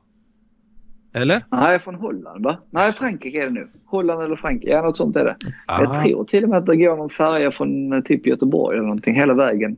Tunneln är Eh, det. det får vi fan... Ja, tunneln är mellan Frankrike Ja, och, precis. och England. Ja. Mm. Ja, det kan det vara. Ja. ja, Det är därför det är så mycket engelsmän i Frankrike och fiskar karp och sånt. Mm. Ja, det precis. lättillgängligt Ja. fan för dem. ja, det där får vi luska lite hur man ska få med sig en bil över. Om man ska Mm. över till Danmark för att köra färja eller om man kan köra från Göteborg. Eller åka från Göteborg. Det är bara lite läskigt sen när man kommer fram ju att de kör ju helt jävla fel bara. Ja, värdelöst. Jag kommer aldrig glömma första gången när vi skulle köra in i rundell där och han tar fel håll. Alltså jag Ja. höll på att rycka loss det här handtaget i dörren liksom. Ja, nu herregud. jäklar. Nu är det kört. Ja. Ångest. ja, det är bara blunda och hänga sig på Ja, tutan då. Exakt. Tänk på det Palle om du nu kör över. Och hänga mig på tutan och blunda. ja, Och tar vänstersväng i rundellen, tar inte högersvängen. nej. nej, jag kommer göra fel. Jag är säker på det. Du får köra Krille. Kommer, kommer ut en svensk viking och börjar skälla på engelsmännen. Om man, Ja. man får backa borde det bli åt rätt håll. Ja, ja, ja. Ja, Det är helt ja, rätt. Ja. Det kan bli lite konstigt dock. Men eh, det känns enklare på något sätt. Ja, ja Det lät precis. som att man vill följa med på er resa där. Ja, man måste ha roligt. Jag Ja, måste- för fan. Det har man haft många gånger i många vatten. Jaha, ska vi lämna England ett tag? Kan vi ha. Jag tänkte på Tomba där. Han brukar ju ha tio frågor. Ja, han har ju Ja, en 10 topplista. Eh, vi- ska komma till den, men vi ska först gå in lite. Innan vi kommer in på hans 10 topplista så måste vi fråga Kalle det här med butiken. Ja. Mm. För de som inte, de flesta vet nog vad du gör, men eh, du kan väl berätta lite var det är någonstans du jobbar? Och länge du har jobbat där och hur du hamnade där? Mm, ja, men exakt. Eh, jag är ju delägare av Fiskkompaniet och då butikschef i vår Lundabutik. Vi har ju två butiker nu, en i Lund och en i Eslöv. Eh, jag har ju varit där i 15 år. I år har vi ju räknat fram, i alla fall som fast anställd. Sen sprang jag väl lite som springpojke ett tag också. Eh, så det är många år i den här butiken. Och vi har väl, ja sen egentligen Anders Ida som startade där 97 så har det varit Mete inspirerat. Men såklart så är ju det vanliga fisket det vi har mest i butiken. Men metet är ju vår specialitet. Liksom. Där har vi alltid hållit huvudet högt. Haft många marken eh, och sålt mycket grejer. ja, det såg jag när jag var inne i somras. Herregud, Det vilket det vi är fint rum. Mm. Ni hade Ja, verkligen exakt. mycket grejer Ja, alltså. Jag tar hela... Exakt. Drömmen är att ha hela butiken med Mete såklart. Men det funkar väl inte riktigt än. Eh, Det kanske kommer. Mete tycker jag växer. Eh, Folk pratar om att det inte är stort i Sverige. Men jag tycker de senaste tre, fyra åren att det har växt extremt mycket. Ja, jag tycker också Ty- det tycker känns så. Mm. Det Märker, kändes lite som när du var i butiken. Då var vi väl fem sex metare samtidigt där inne i mätrummet. Ju Ja, precis. inte- Det var nästan inte coronasäkert ett tag där men eh, det var nya restriktioner så det var okej. Ehm, Ja, ja Nej, alla, alla hade näsorna i, i boilerburkarna tillsammans. Och ja, det var härligt. ja, det är nog lite konstig doft där inne eh, Ja. i butiken. Det brukar, barn brukar fnysa när de kommer in. Fy vad lite äckligt brukar de säga. Ja, ja, ja. Ja, faktiskt. Det är, det är en rätt vanlig kommentar. Men sen får man ju förklara snabbt vad det är för något. Och då tycker de bara det är lite spännande istället. Ja, ja, det är det ju. Jag tycker det luktar möjligheter, brukar jag säga. Ja, men exakt. Ja, Ja. men om man kollar då, om du säger att metet har, eh, det känns som det har ökat lite. Eh, Hur, hur står det sig Mm. om man jämför med till exempel spinnfisket eller trollingfiske eller vad nu tänker i jag säger inga försäljningssiffror så, men det är, det är ändå en intressant fråga. För det är många som säger att metet är alldeles för litet och sådana grejer. Det är svårt att säga. Alltså det är ju såklart också säsongsbetonat lite det här. Alltså vårt mete då med karp och brax och sånt. Eh, Sen har vi jättemycket predatormete också. Men nej, jag kan nästan inte svara. Vissa dagar kan det vara som sagt två meter i butiken. Nästa dag kan det vara 20 meter i butiken. eh, På en dag liksom, åtta timmars dag. Och vissa dagar känns det som att det bara är metare där inne. Eh, men vanliga spinnfisket är ju störst fortfarande. Eh, vi får inte glömma alla produktioner som är på Youtube idag. Eh, kidsen är ju, det är där idolerna finns. Inom Sverige i alla fall. Kolla ja. utomlands så har vi de här Allan och Olli. Alltså jag bara... Sist vi var nere på Svolle så stod man och pratade med de här grabbarna. Alltså de är ju rockkändisar egentligen. De har ju fan hur mycket följare som helst på sina sociala medier. Ja. Men inte i Sverige riktigt. Nej, Vi kanske får göra så Palle för kanske blir det nya Justin Bieber inom metet. ja, förmodligen va.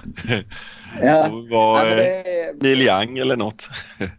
Exakt. Ja, det skrämmer väl lite metet tyvärr fortfarande. Det här med prylar och sånt. Uh, men man behöver ju faktiskt inte ha så mycket prylar. Om vi då kollar Rögle igen, det kommer vi falla tillbaka till. Där får man bara köra två spön två spön mm. räcker ju faktiskt jäkligt länge. Eh, nu uppe i det här Rögle där jag var i förra veckan. Där var det egentligen bara en fläck för ett spö som jag hittade som var bra. Men jag la ut ett spö till. Eh, men jag tror det hade räckt med ett spö. Eh, så det skrämmer lite det här att det måste vara mycket prylar och det måste vara dyrt. Det behöver det verkligen inte vara. Nej, jag tycker att vi som har hållit på ett tag och fiskat, det har nästan blivit lite coolt att banta sin packning och ha så lite grejer som man bara kan med sig. Så att eh, jag tycker det drar lite åt det hållet också. Mm. Man behöver ju faktiskt inte ha eh, hur mycket som helst släpa Nej. ut. Alltså jag var iväg nu två dygn. Jag hade ju en ryggsäck med mig. Den här Fox, lite större specimen ryggsäcken. Där hade jag alla mina prylar. Uh, det räckte ju länge liksom. Och det är samma där. Det har ju gått mycket av det här med hammockar och sånt. Alltså inte så mycket sängar. Mm. Uh, till exempel jag kör ju inte Bivi. Jag kör fortfarande Brolly bara. Eh, oftast helt öppen front. Det körde jag tidigt i mars förra året och sen på hösten. Har man bara en varm sovsäck så räcker det ju länge. Ja. Just det här börja, börja med två spön, två larm. Eh, Daiva till exempel, de har ju karpspön nu för 600 kronor styck. Eh, ja. Jag tror vi kände på dem Palle, du och jag. De var ju hur fina som helst för de pengarna. Ja, liksom. ja för tusan. Ja. Och sen det här med, med som du sa hammock sa du. Det har jag skaffat mig en mm. sån hängmatta nu och, och det är ju tak på den och allting så jag har ju säng och, och tält och mm. allt i ett. Jag behöver bara ha med mig den där lilla eh, hängmattan. Den är så liten så jag kan nästan stoppa den i bakfickan. Mm. Jag tror faktiskt att karpmarkerna kommer komma dit också. Eh, mm. Att det kommer komma sådana här produkter. Jag såg Fox släppte väl någon tarp, alltså sån här vindskyddsliknande. Ja, precis. Eh, jag tror bara det är en, jag tror bara det är en början på, på det. Det tror jag också. Det ser man ju också på många av de prylarna som, som släpps nu så är det ju nedbantade spön, korta spön, eh, väskor ja, som är ja. Skräddarsydda för att ta två spön, två rullar, lite prylar i mm. och som du kan bära på ryggen. Det, det, blir ju mer och mer. Men det tror jag kanske har lite i England med. Är det mycket som ja. kanske har gått emot att man ska köra mer så här eh, dagsfiske, day tickets och sådana grejer. Det blir ju mer och mer sådana vatten. De, jag har förstått det mm. rätt i alla fall när jag har läst lite om det. Så det blir ju mer, mer åt det hållet. Och då, då, då smittar det av sig för vi får ju mycket av prylarna som säljs i Sverige ifrån England med det. Så att... Ja men så är det ju. Alltså, ja. alltså det kan jag ju bara säga. Om vi drar det, bara drar det tio år tillbaka med karpspön i alla fall. Jag kommer ihåg vi satt nere i Frankrike då pratade vi om 13 fotspön och extra stora rullar för att kunna kasta extra långt och sånt. Ja. I, år så, I år så köpte jag ut eh, tre av de här dwarfspöna från Nash. De här som är teleskopiska där bak och så det delbara. Mm. Mina 12-fotare har liksom inte ens lämnats förrådet. Eh, de här är helt magiska. Jag kan liksom lägga dem... Jag kan till och med ha dem helt upptacklade inne i bilen. Jag bara satt ihop den här teleskopdelen och de får plats i en vanlig kombi liksom upptacklade helt. Ja, det är häftigt. Det är smidigheten också. Mm. Jag har Jäkligt faktiskt också... Eh, smidigt, mm. Jag har också de Nash eh, Dwarf. Köpte dem begagnade mm. utav Tom här och, och de är ju helt underbara. Mm. Jag, det ska bli jättekul att fiska med dem. Jag har inte gjort det ännu men det ska jag i natt. Ska jag åka ut och, och prova dem lite. Mm. Och där För är det då 10 fotar istället. Uh, mm. Många köpt 10 fotsmodeller. Uh, där är till och med 9 fotare. Jag har ju några kompisar som kör med 9 fotsmodeller och vi har stått och kastat med dem. Och absolut, ska du kasta riktigt jäkla långt så behöver du det. Men eh, de flesta vattnen i Sverige där du behöver fiska långt ut så är ju faktiskt båt tillåten eller baitboat liknande. Man behöver inte den här kastlängden. Uh, nästan tvärtom. Nej. Det Jag funderat på... Du vet, man, man reser ju mycket nu också. Flyger och sånt och, Mm. och fiskar karp. Jag funderar om man inte kan få med de där eh, Nash Dwarf-spöna på stoppa ner dem i en resväska eller något. Jag har inte provat det ännu men de blir jäkligt korta blir de när man fäller ihop dem. Mm. Jag började ju spela lite golf förra året. Jag kan ju ha smugit med ett sånt spö i golfbagen någon gång. Just det. Eh, eh, nej, de blir små och smidiga. Jag, jag tror det, det har börjat gå lite åt det hållet. Uh, Krille sa att smidigare och lättare packning.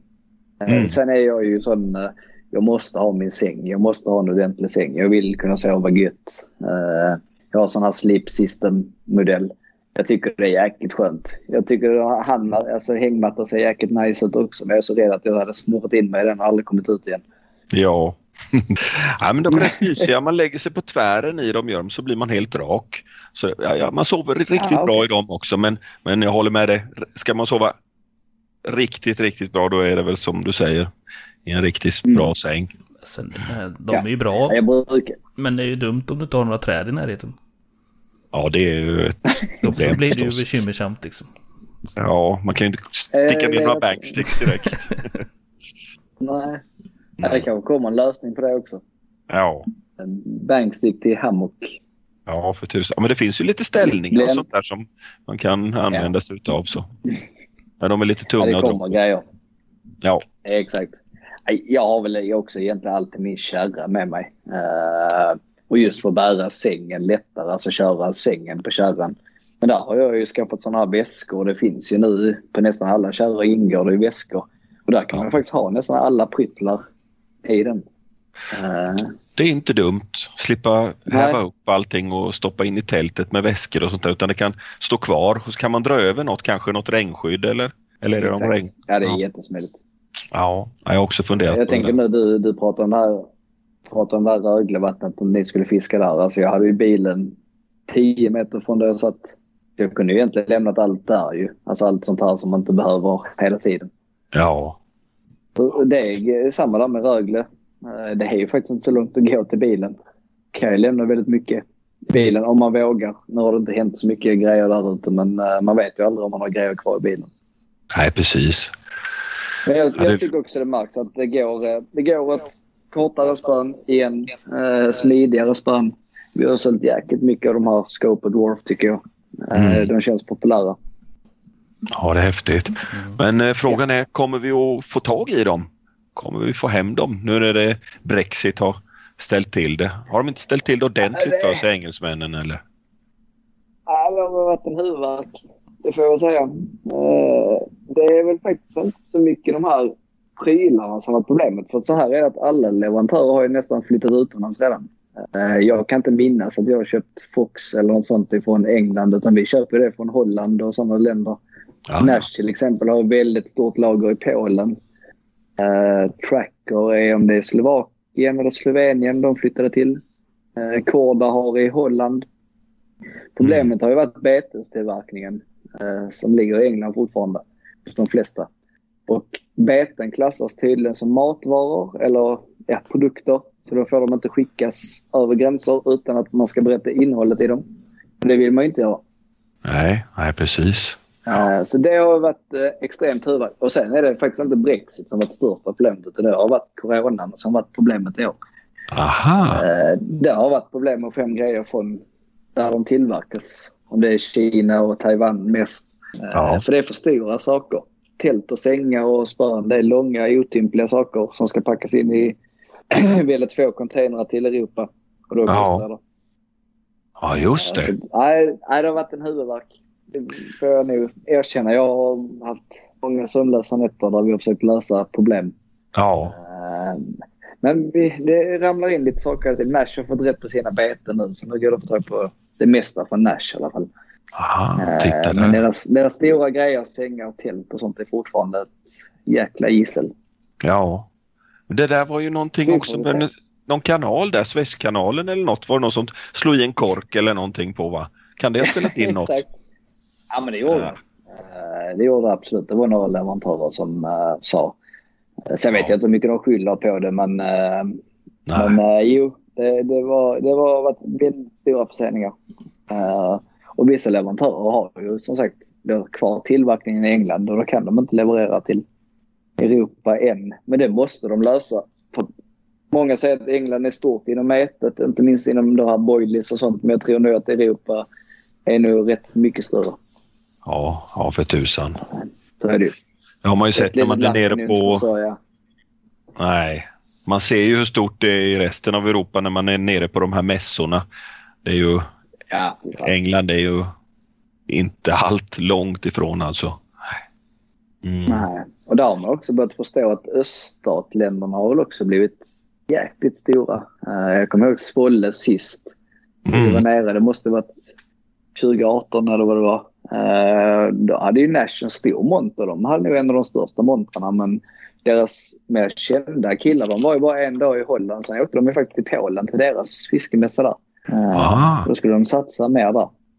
Just det, just det. Eh, så, så vi ska nu börja kolla på lite sån polska fiskemässor. Det är nog rätt kul att åka till. Det tror jag Det är också. lite närmare. Ja.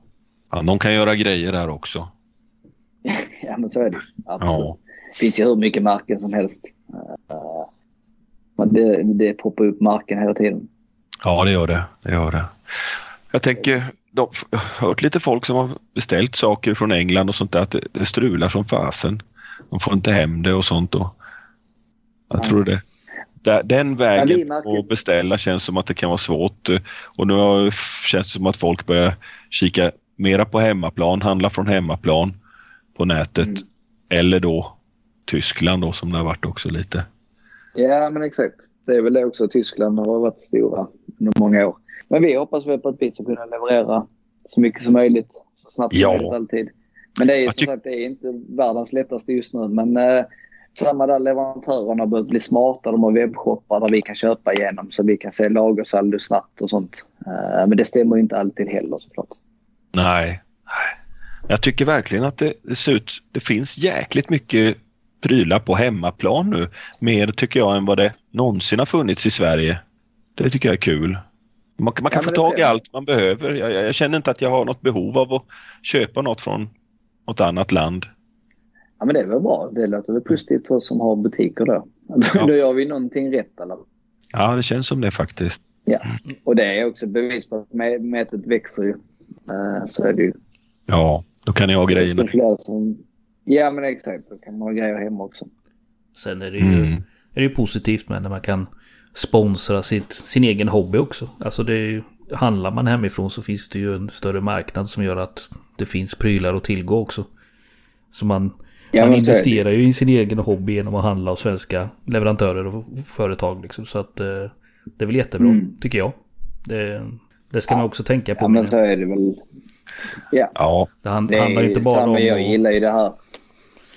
alltså många kanske tänker att man vill handla så billigt som möjligt men sen samtidigt så måste du ju investera i din, i din egen framtid lite för till slut så finns det ju ingenting kvar att köpa av då. Och det är ju inte heller så jäkla roligt. nej, det är ju inte så jävla billigt heller att handla från. Nej, idag är det ju ingen större skillnad på prismässigt. Nej. Tycker inte jag. Jag tittar utomlands ibland men eh, jag har slutat helt med det. Jag, jag har inte haft något behov av det. Allt finns ju i Sverige hos, hos någon. Då är det ju bara att stötta den som har just den prylen man är ute efter just då. Så att jag tycker det är skitkul. Jag Ja, tycker men det ser lite... Ja, jag tycker det ser lite dyrt ut ibland också när man tittar på England och pundet och sånt där. Det är ju inte alltid läge, har det inte varit, att, att handla därifrån. Och, Nej. nej, fasiken. Brukar kunna hitta det bra. Det låter som en framtid i alla fall. Sen är jag ju sån, jag gillar ju det här fysiska. Alltså, det är väl för att jag är som jag är. Jag är jäkligt snackig av mig. Jag gillar när folk kommer in i butiken och sånt. Jag tycker det är roligare när metarna kommer ner. Sen ligger vi ju tyvärr i södra Sverige. Eh, Och långt ner i södra Sverige. Så det är inte så många som kanske har vägarna förbi förutom då Rögle-metarna. Uh, Mm. jag har några grabbar från Göteborg. De kommer ner. Om det är en gång i månaden kommer de ner två, tre stycken i en bil. Ja, Och sen har vi haft den här mätemässan. Den var helt fantastisk. Eh, det var ju något av det roligaste jag har gjort i alla fall. ja, den var ju kul. I Knislinge där ja. Ja, det, var, det var en jobbig helg för oss. Vi, vi köttade ju på där med prylar och byggde monter och sånt. Det var inte många timmar sömn kan jag säga. Ja, bra tryck där. Det var roligt. Ja, herregud. Ja. Grejerna kom ju till och med på fredagen där ju. Då kom ju lastbilarna från utlandet.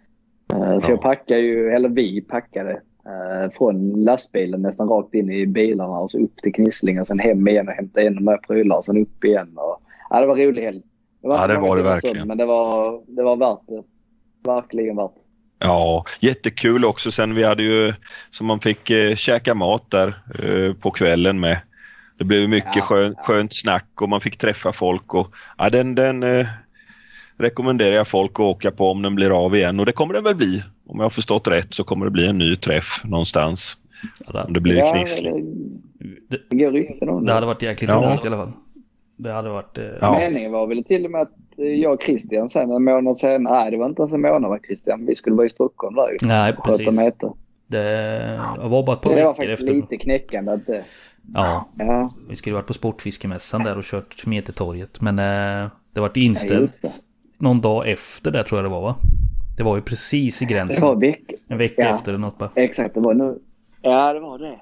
Eh, Kvällarna hade ju börjat där ju stökat till det redan. Ja, det- Det var väl till och med så att mätträffen var nära på att gå åt helskotta. ja, Ja, det var det. Eh, Ja. den legat Nu helgen hörde jag inte att det var någon smitta därifrån. Uh, från liksom att det hände något utbrott bland specimenmätare. Det hörde jag inte i alla fall. Men uh, nej, det var synd med. Stockholm också. Jag ser faktiskt fram emot det. Uh, jäkligt mycket. Det hade varit kul att vara där med Christian och grabbarna. Ja, det var tråkigt. Det, men förhoppningsvis Ja. så kan det väl bli en 2022 nu tar de ju sikte på i alla fall. Så vi, vi får vi hoppas får det. hoppas att det kan, kan bli av. Så det kan bli någonting igen i alla fall. Det hade varit kul. Ja. Absolut. Den där meterträffen, hoppas att det kommer fler folk norrifrån alltså.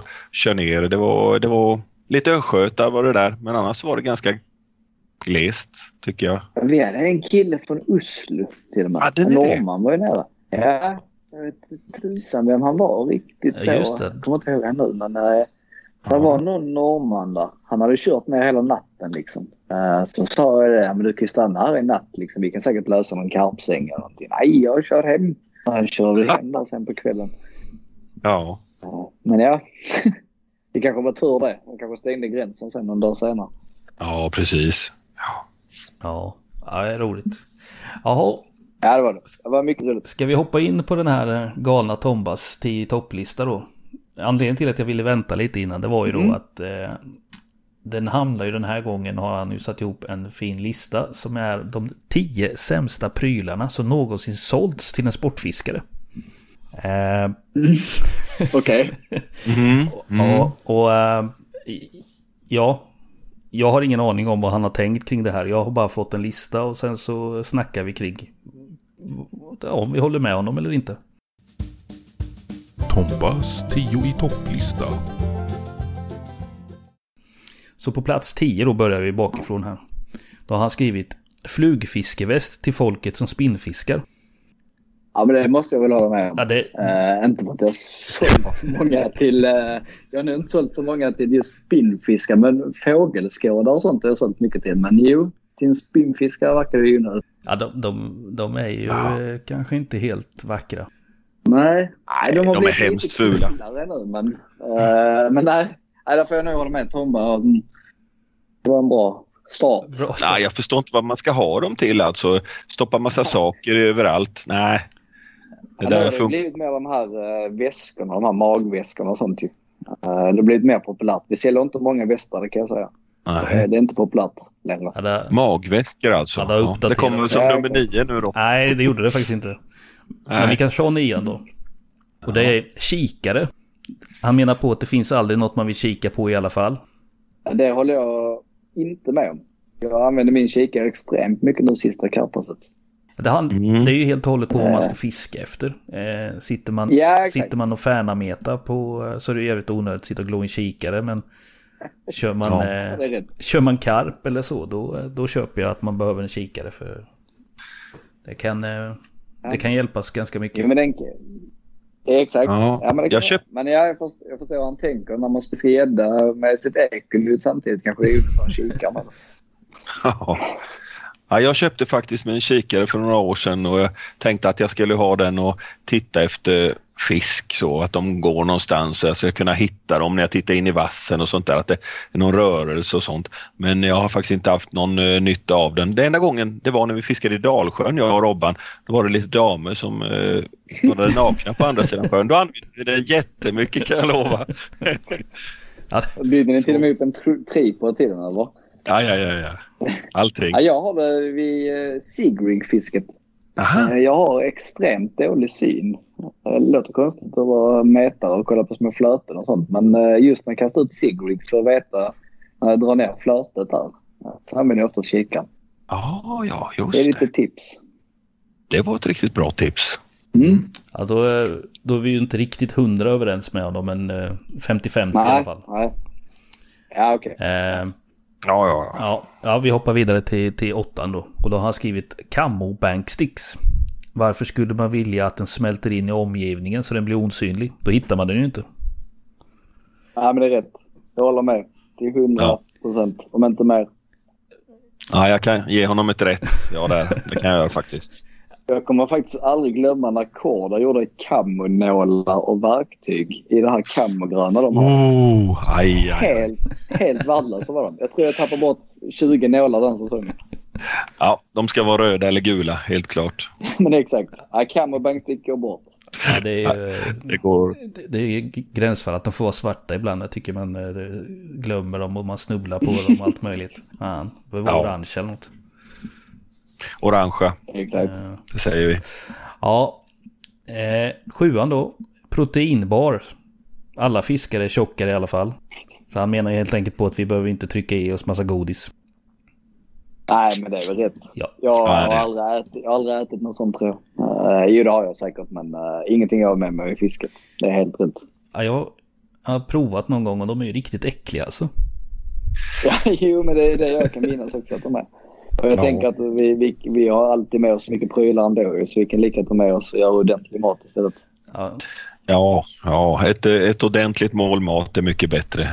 Korv och mos eller något sånt där ska det vara. Inget jädra trams. Nej, nej, jag, jag håller med. Det går bort. Det blir man inte mätt på ändå, en proteinbar va? Man får äta sju stycken eller något för att det ska kännas. Säkert. Sen är det väl dyra som fan också. Det, Ja. det, är ju, det är ju som en Snickers eller något egentligen. Det- Man blir bara lurad. Kostar 30 spänn eller något. Ja, okej. Ja, visst, visst. Ja, Bättre med påse nötter. Mm. Ja. Eller ett sexpack. Ja, den klarar man sig rätt bra på med. ja, ja, men vi håller väl med honom att det är en rätt dålig idé. Ja. Absolut. Eh, punkt 6 då. Då har han skrivit cirkelkrokar. De är aldrig bra att ha. Ja, det tror jag knappt jag använt heller, så det håller jag också med om. Ja, ja, Jag använde väl något lakepass någon gång, men Ja. eh, har aldrig sett vinningen av det. Till mitt fiske i alla fall. Nej, inte jag heller. Jag har fått en förklaring på det där utav Johan Hedman när han var i USA, hur, hur bra det var. Man, man bara vevade in dem i, i mungipan. Man fick inte kroka eller hur det var. nej precis. nej, nej Ja, det, det där, det där är inget som jag vill ha att göra med. Den, Nej. eh, Ja, det lät så tråkigt att inte få kroka. Nej. den eh, man, förtroendet försvinner ju där, helt klart. Alltså sitta och fiska med en sån Ja. så är man ju sådär, "Äh, det kommer aldrig funka, det här kommer inte bli bra, det kommer... Det, Nej. så att eh, jag håller med, jag har svårt för dem. Eh, Ja men tänk Ja, själv så här, man sitter och feedermetar i, i, i Svartån och så böjer sig spötoppen så här och så vill man ju, jag vill ju kroka! Nej, då ska man börja veva lite så här och suga in eh, kroken i munnen. ja, Nej, det går inte. Det har inget med svenskt fiske att göra. Nej, nej, den går bort. Vi är överens. Ja, femman då, nu ska vi se vad han skrivit här. Eh, kåsa som köps av en skåning. Jaha. Jag förstår vad han menar. ja, det förstår väl jag nästan också. Men eh, man har med sig kaffemuggen eller temuggen eller något istället. En kåsa är väl bara onödig. Ja, ni eldar ju ingenting där nere heller. Det är ju bara massa... Det finns ju inga träd.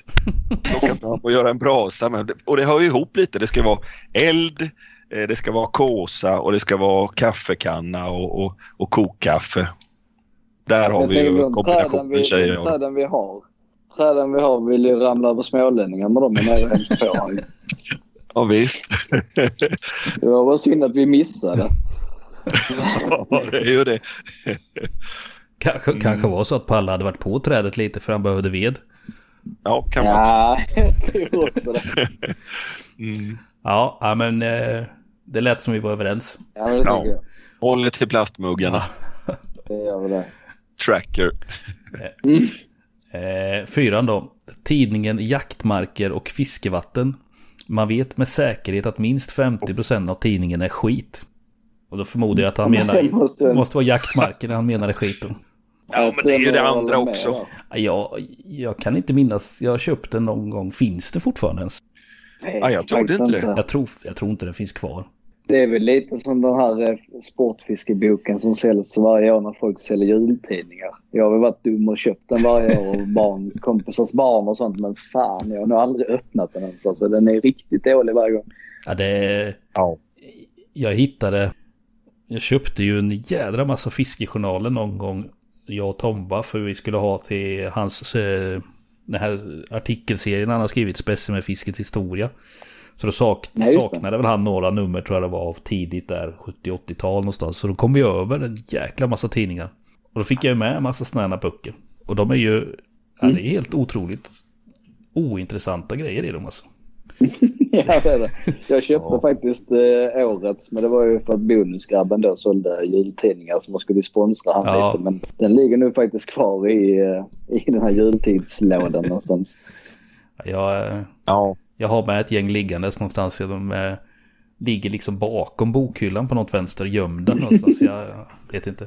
Så jag tänker att den här tidningen är ungefär på samma nivå. Ja, vi tror det. Där håller vi med Tom. Ja, Jajamän. Jajamän. då ska vi se. Då kommer vi in i topp tre nu då. Så då går vi in på trean här. Då ska vi se. Då har han skrivit takbox med öringmotiv.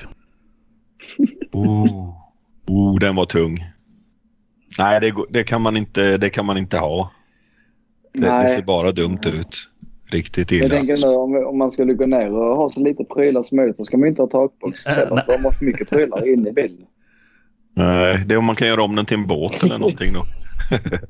Ja, Ja, nej, det kan man inte ha. Inte som mätare i alla fall. Inga öringar. där. nej, nej, det går helt klart bort.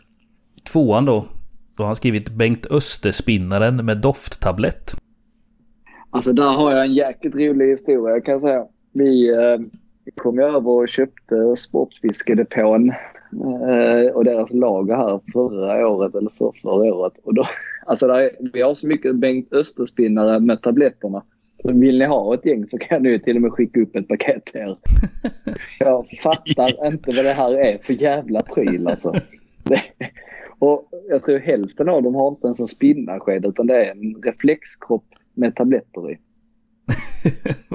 Så, ja, okej. Åh herregud. Ja. Ja, det är Vad- helt. Vad luktar tabletten då? Är det något man kan använda till metet eller sådär? Nej, de hade stroke. tappat doften för 20 år sedan. Ja. ja. Funkar som mintablett. Kan stoppa i munnen. Slänga spinnen i soporna. Ja, men jag kan skicka upp varsitt paket till er så ska ni få smaka. Ja, ja. Jag har slutat att snusa. Jag kan testa att ha det istället i munnen. Ja, det låter ju inte som någon, någon bra grej. Så han ligger ju bra till där på, sin, eh, på plats två. Ja. Eh, då hoppar vi över till ettan då. Och där har han skrivit Fluorkarbon, Töntlina och Hokus Pokus. Ja. Jag håller med honom. Jag håller med honom där. Jag har alltid sagt det att fasen, jag tror inte på det där med fluorokarbonet, där osynligheten och sånt. Jag kan lika gärna ta en nylonlina. Det enda jag gillar med fluorokarbon det är att den är lite styv så, så den kan vara bra när man knyter karptafsar. Skjuta bort eh, kroken lite ifrån eh, sänket. Men ja, vad säger ni? Ja. Jag håller med. håller inte, jag håller nog inte med alls. Jag är ju en flockabonkille rakt igenom. Uh, fiskar flockabon på mina karprullar. Uh, använder flockabon till alla mätetackel förutom karp. Då kanske är vissa karptackel gör med flockabon. Uh, men det kanske är hokus pokus. Det kanske är bara nylonlina som de säger är flockabon. Men nej, nej, jag är svag för flockabon. Mm. Ja, jag, Lite stummare, lite styvare. jag gillar ju när den, den eh, jag använder den ju mycket till, till vissa tackel. Men framförallt så använder jag den gärna som, eh, som material till, till eh, bommar eller man ska säga när jag kör eh, bottenmeter, till exempel färda och sådana grejer. Då vill jag gärna ha en lite grövre fluorkarbon just på grund av styvheten som gör att den kickar bort sänket lite och sådana saker. Så där använder jag mycket, men som huvudlina har jag nog aldrig provat det och funderat på det ens en gång, utan där, är- där är jag nylon rakt igenom. Mm. Däremot har jag sett folk använda fluorkarbon som huvudlina och det bara det fräser ju i ringarna och de kan knappt kasta. Va, vad är det med dem liksom? Nej, det är, det är faktiskt sant. Det är jäkligt kul. Det går inte att kasta med dem nästan. Jag fick Nej. till och med köpa en sån här anti-twist hette det väl från Gardner. De har något sänke där som... Ja, ja, den, den tvinnar ju sig lättare. Uh, Flockarbonen. Uh, jag kommer Ja. aldrig glömma. Jag kommer ihåg vi satt i Östra jag och Johan en gång och vi skulle fiska. Kan det varit... Ja men säg 80 meter ut. Det är ju inga avstånd egentligen att kasta ju. Jag kunde inte nå ut med den här jäkla flockarbonlinan. Det bara fräste i ringarna och hackade och tramsade liksom. Ja, du ser Ja. själv Kalle. Men, äh, nej, jag, är, men jag är ju mycket båt. Använder jag väl i mina sjöar här nere. Om jag fiskar karpi och sånt och det är korta avstånd. Och nu i helgen använder jag sån här baiting pole. Eh, så nej, jag är svag för flockarbon till karpfisket. Just den sjunker snabbare, är lite stummare. Det går för bättre indikation snabbare. Och sen vid feedermetern kör jag alltid 5-6 meter flockarbon innan själva tacklet. Mm. Mm. Ja, det, Varför säger Ja, för, för att, Så jag, jag håller inte med Tomba helt där. Men, tror du eh, på det där med osynligheten då? Nej, är det mer för att den är nej tyngre, det tror jag inte. lite tyngre? Densiteten i den, att den sjunker snabbare och lägger sig kanske något bättre på botten eh, än, än någon, en nylonlina kanske gör.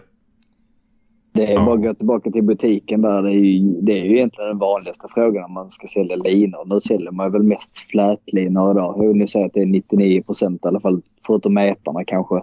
Eh, Och då är det alltid det här, vill du ha gul eller grön lina? Då är det alltid ja, grön för fisken kan se den gula. Jag tror inte en fisk vet vad en fiskelina är. Uh, alls faktiskt. Uh, jag tror inte på det där med att den behöver vara osynlig. Det tror jag Nej. inte. Eh, det känns bara bra att den ligger lite bättre längs botten för mig i alla fall. Mm, mm. Ja. Men säkert, det är säkert helt oviktigt. Men har man kört med det så har man kört med det. Nu sitter det kvar. Ja, Så ja. är det väl. Men det är ju det, ja, Det är det vanliga. Har man förtroende för någonting så vill man gärna fortsätta med det. Så är det ju. Exakt, så är det Ja. Det är ju lite som det här med beten och tackel.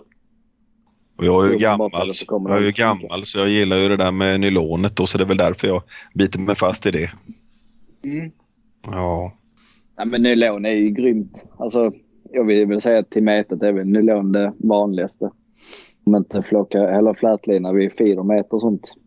Mm. Men det är många som kör nylon där också. Ja. Det är det ju.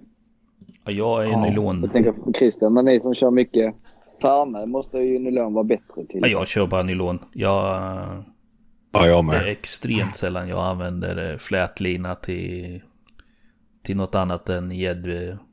Ja, predatormetet för flötestrolling. Annars så Ja. kör jag i stort sett bara nylon rakt igenom på, på allt mitt fiske. Mm. Ja men det är intressant. Alla har ju som sagt olika. Färna är väl inte den fisken jag lagt mest tid på. Det får jag inte säga. Där tänker jag att det är mycket sten och sånt. Uh, som vi- man vill ha. Nylonlina. Ja, och eh, de jag har pratat med som kör med, med, med flätlina säger att de får bättre indikation, snabbare indikation och så vidare. Jag har jag har suttit kört ett spö med flät, ett med nylon och jag vet inte om jag någonsin har sett någon skillnad på något sätt eller kan säga att det ena är bättre än det andra. Eh, Jag gillar nylonlinan. Lite mer nötningstålig och sen att man har den här lilla stretchen i den tycker jag är jävligt eh, bra för många. Mm. Just när man ska hova, framförallt färner, men eh, id vad det än är, att du, du, du får den där stretchen i den. Framförallt Mm. Ja, men jag tycker med. att det är mycket smidigare med små tunna krokar och så är det lätt att och, och klippa lite för hårt och sen så är det kört liksom. Ja, jo, men det kan Ja. jag hålla med om. Och jag tänker, alltså Färna fiskar indikation. Man fiskar väl inte mer än en 10 meter ut kanske. Eller väl, ja, kanske längre ut. Vissa ställen. Men Ja. alltså det är ju inga avstånd på det viset. Nej, Ja. det är det inte. Och, eh, Men hörni, vi kommer ifrån eh, frågan lite där. Vad säger vi om fluorokarbon? ja, vi sprang ifrån Tombas lista. Ja, oense. jag tycker om det. Ja, och jag tycker inte jag tycker om om det. Jag Jag lägger mig i mitten någonstans då, för jag använder det ju fast inte som huvudlina. Mm. Men eh, den fyller en, en funktion i mitt fiske emellanåt. Ja, Ja, där har vi det. vi, eh, vi tackar Tomba för den fina listan med de tio sämsta prylarna som någonsin sålts till en sportfiskare. Har ni någon egen pryl som ni vill lägga till? Eh, Mackjärn tycker jag. Hackjärn? Ja, ja, det, Mackjärn, ja, smörgåsjärn, smörgåsjärn och dra med sig en sån rackare ut. det såg ju så nej, det är fint det ut. bästa som har hänt. Det är det bästa som har hänt. Där. Tycker du det? Ah, fy fan. Den har räddat mig många gånger. Jag äter bara Billys panpizza nu senaste karppasset. I Eh, som jag gjorde min, eh, i mitt mackjärn. Ja. Ja. Ja. Färdiga Billys panpizza i mackjärnet. Det var magiskt. Ja. ja. Jag har ju en vanlig stekpanna som jag brukar vända smörgåsarna i om jag ska göra några varma mackor. Någon. Ja, det funkar ju det också såklart. Ja. Eh, Men nej, jag vet, nej, mackjärnet är jag... Där håller jag inte heller med. Ja, ja, ja. Ja, jag håller Vi är med. lite oense du och jag. Ja, Ja, exakt. Ja, men det ska man väl vara. Ja det ska man vara. Ja, Precis. jag köpte sånt mackjärn och eh, jag tror jag använt det en gång och det var fan kaos. Det funkar inte alls bra. Jag vet inte. Nej, det, man ska lära sig lite hur man ska använda dem ju. Så är det Ja, faktiskt. och eh, jag är ingen gourmetkock så. Jag gillar ju de enkla grejerna. Öppna en förpackning, slå i lite varmt vatten, rör runt och sen har du potatismos och bacon där i. Det är perfekt. Nej, de är fina också. Så är det ju absolut. Om man inte ska Ja. lyxa till det riktigt ordentligt och grilla och grejer som Palle och jag brukar göra när vi fiskar. Ja, det ska det vara. Så mätta så vi inte kan röra påsen. Nej. Ja, det var härligt. Ja, det finns, senast. finns ju massa prylar så finns det ju. Eh, Jag försöker Ja. komma på någonting men jag kan fan inte komma på något nu på rak arm. Så. Jag hade behövt komma in i butiken och gå ett varv och se vad som finns där som är sådär onödigt. Folk brukar eh, rynka på näsan lite åt... eh, jag har en sån här väska till, till mitt toalettpapper. Det tycker jag är jättebra. Det, det är en lyxväska det. Ja, det är en lyxväska. Det håller borta eh, när det regnar och sånt där. Och så håller man det torrt och man håller det, det kommer inte massa smuts på det i onödan nu. Utan det, ja, det, det är skyddat och fint där, toalettpappret. Så kan man gå och njuta med det sen.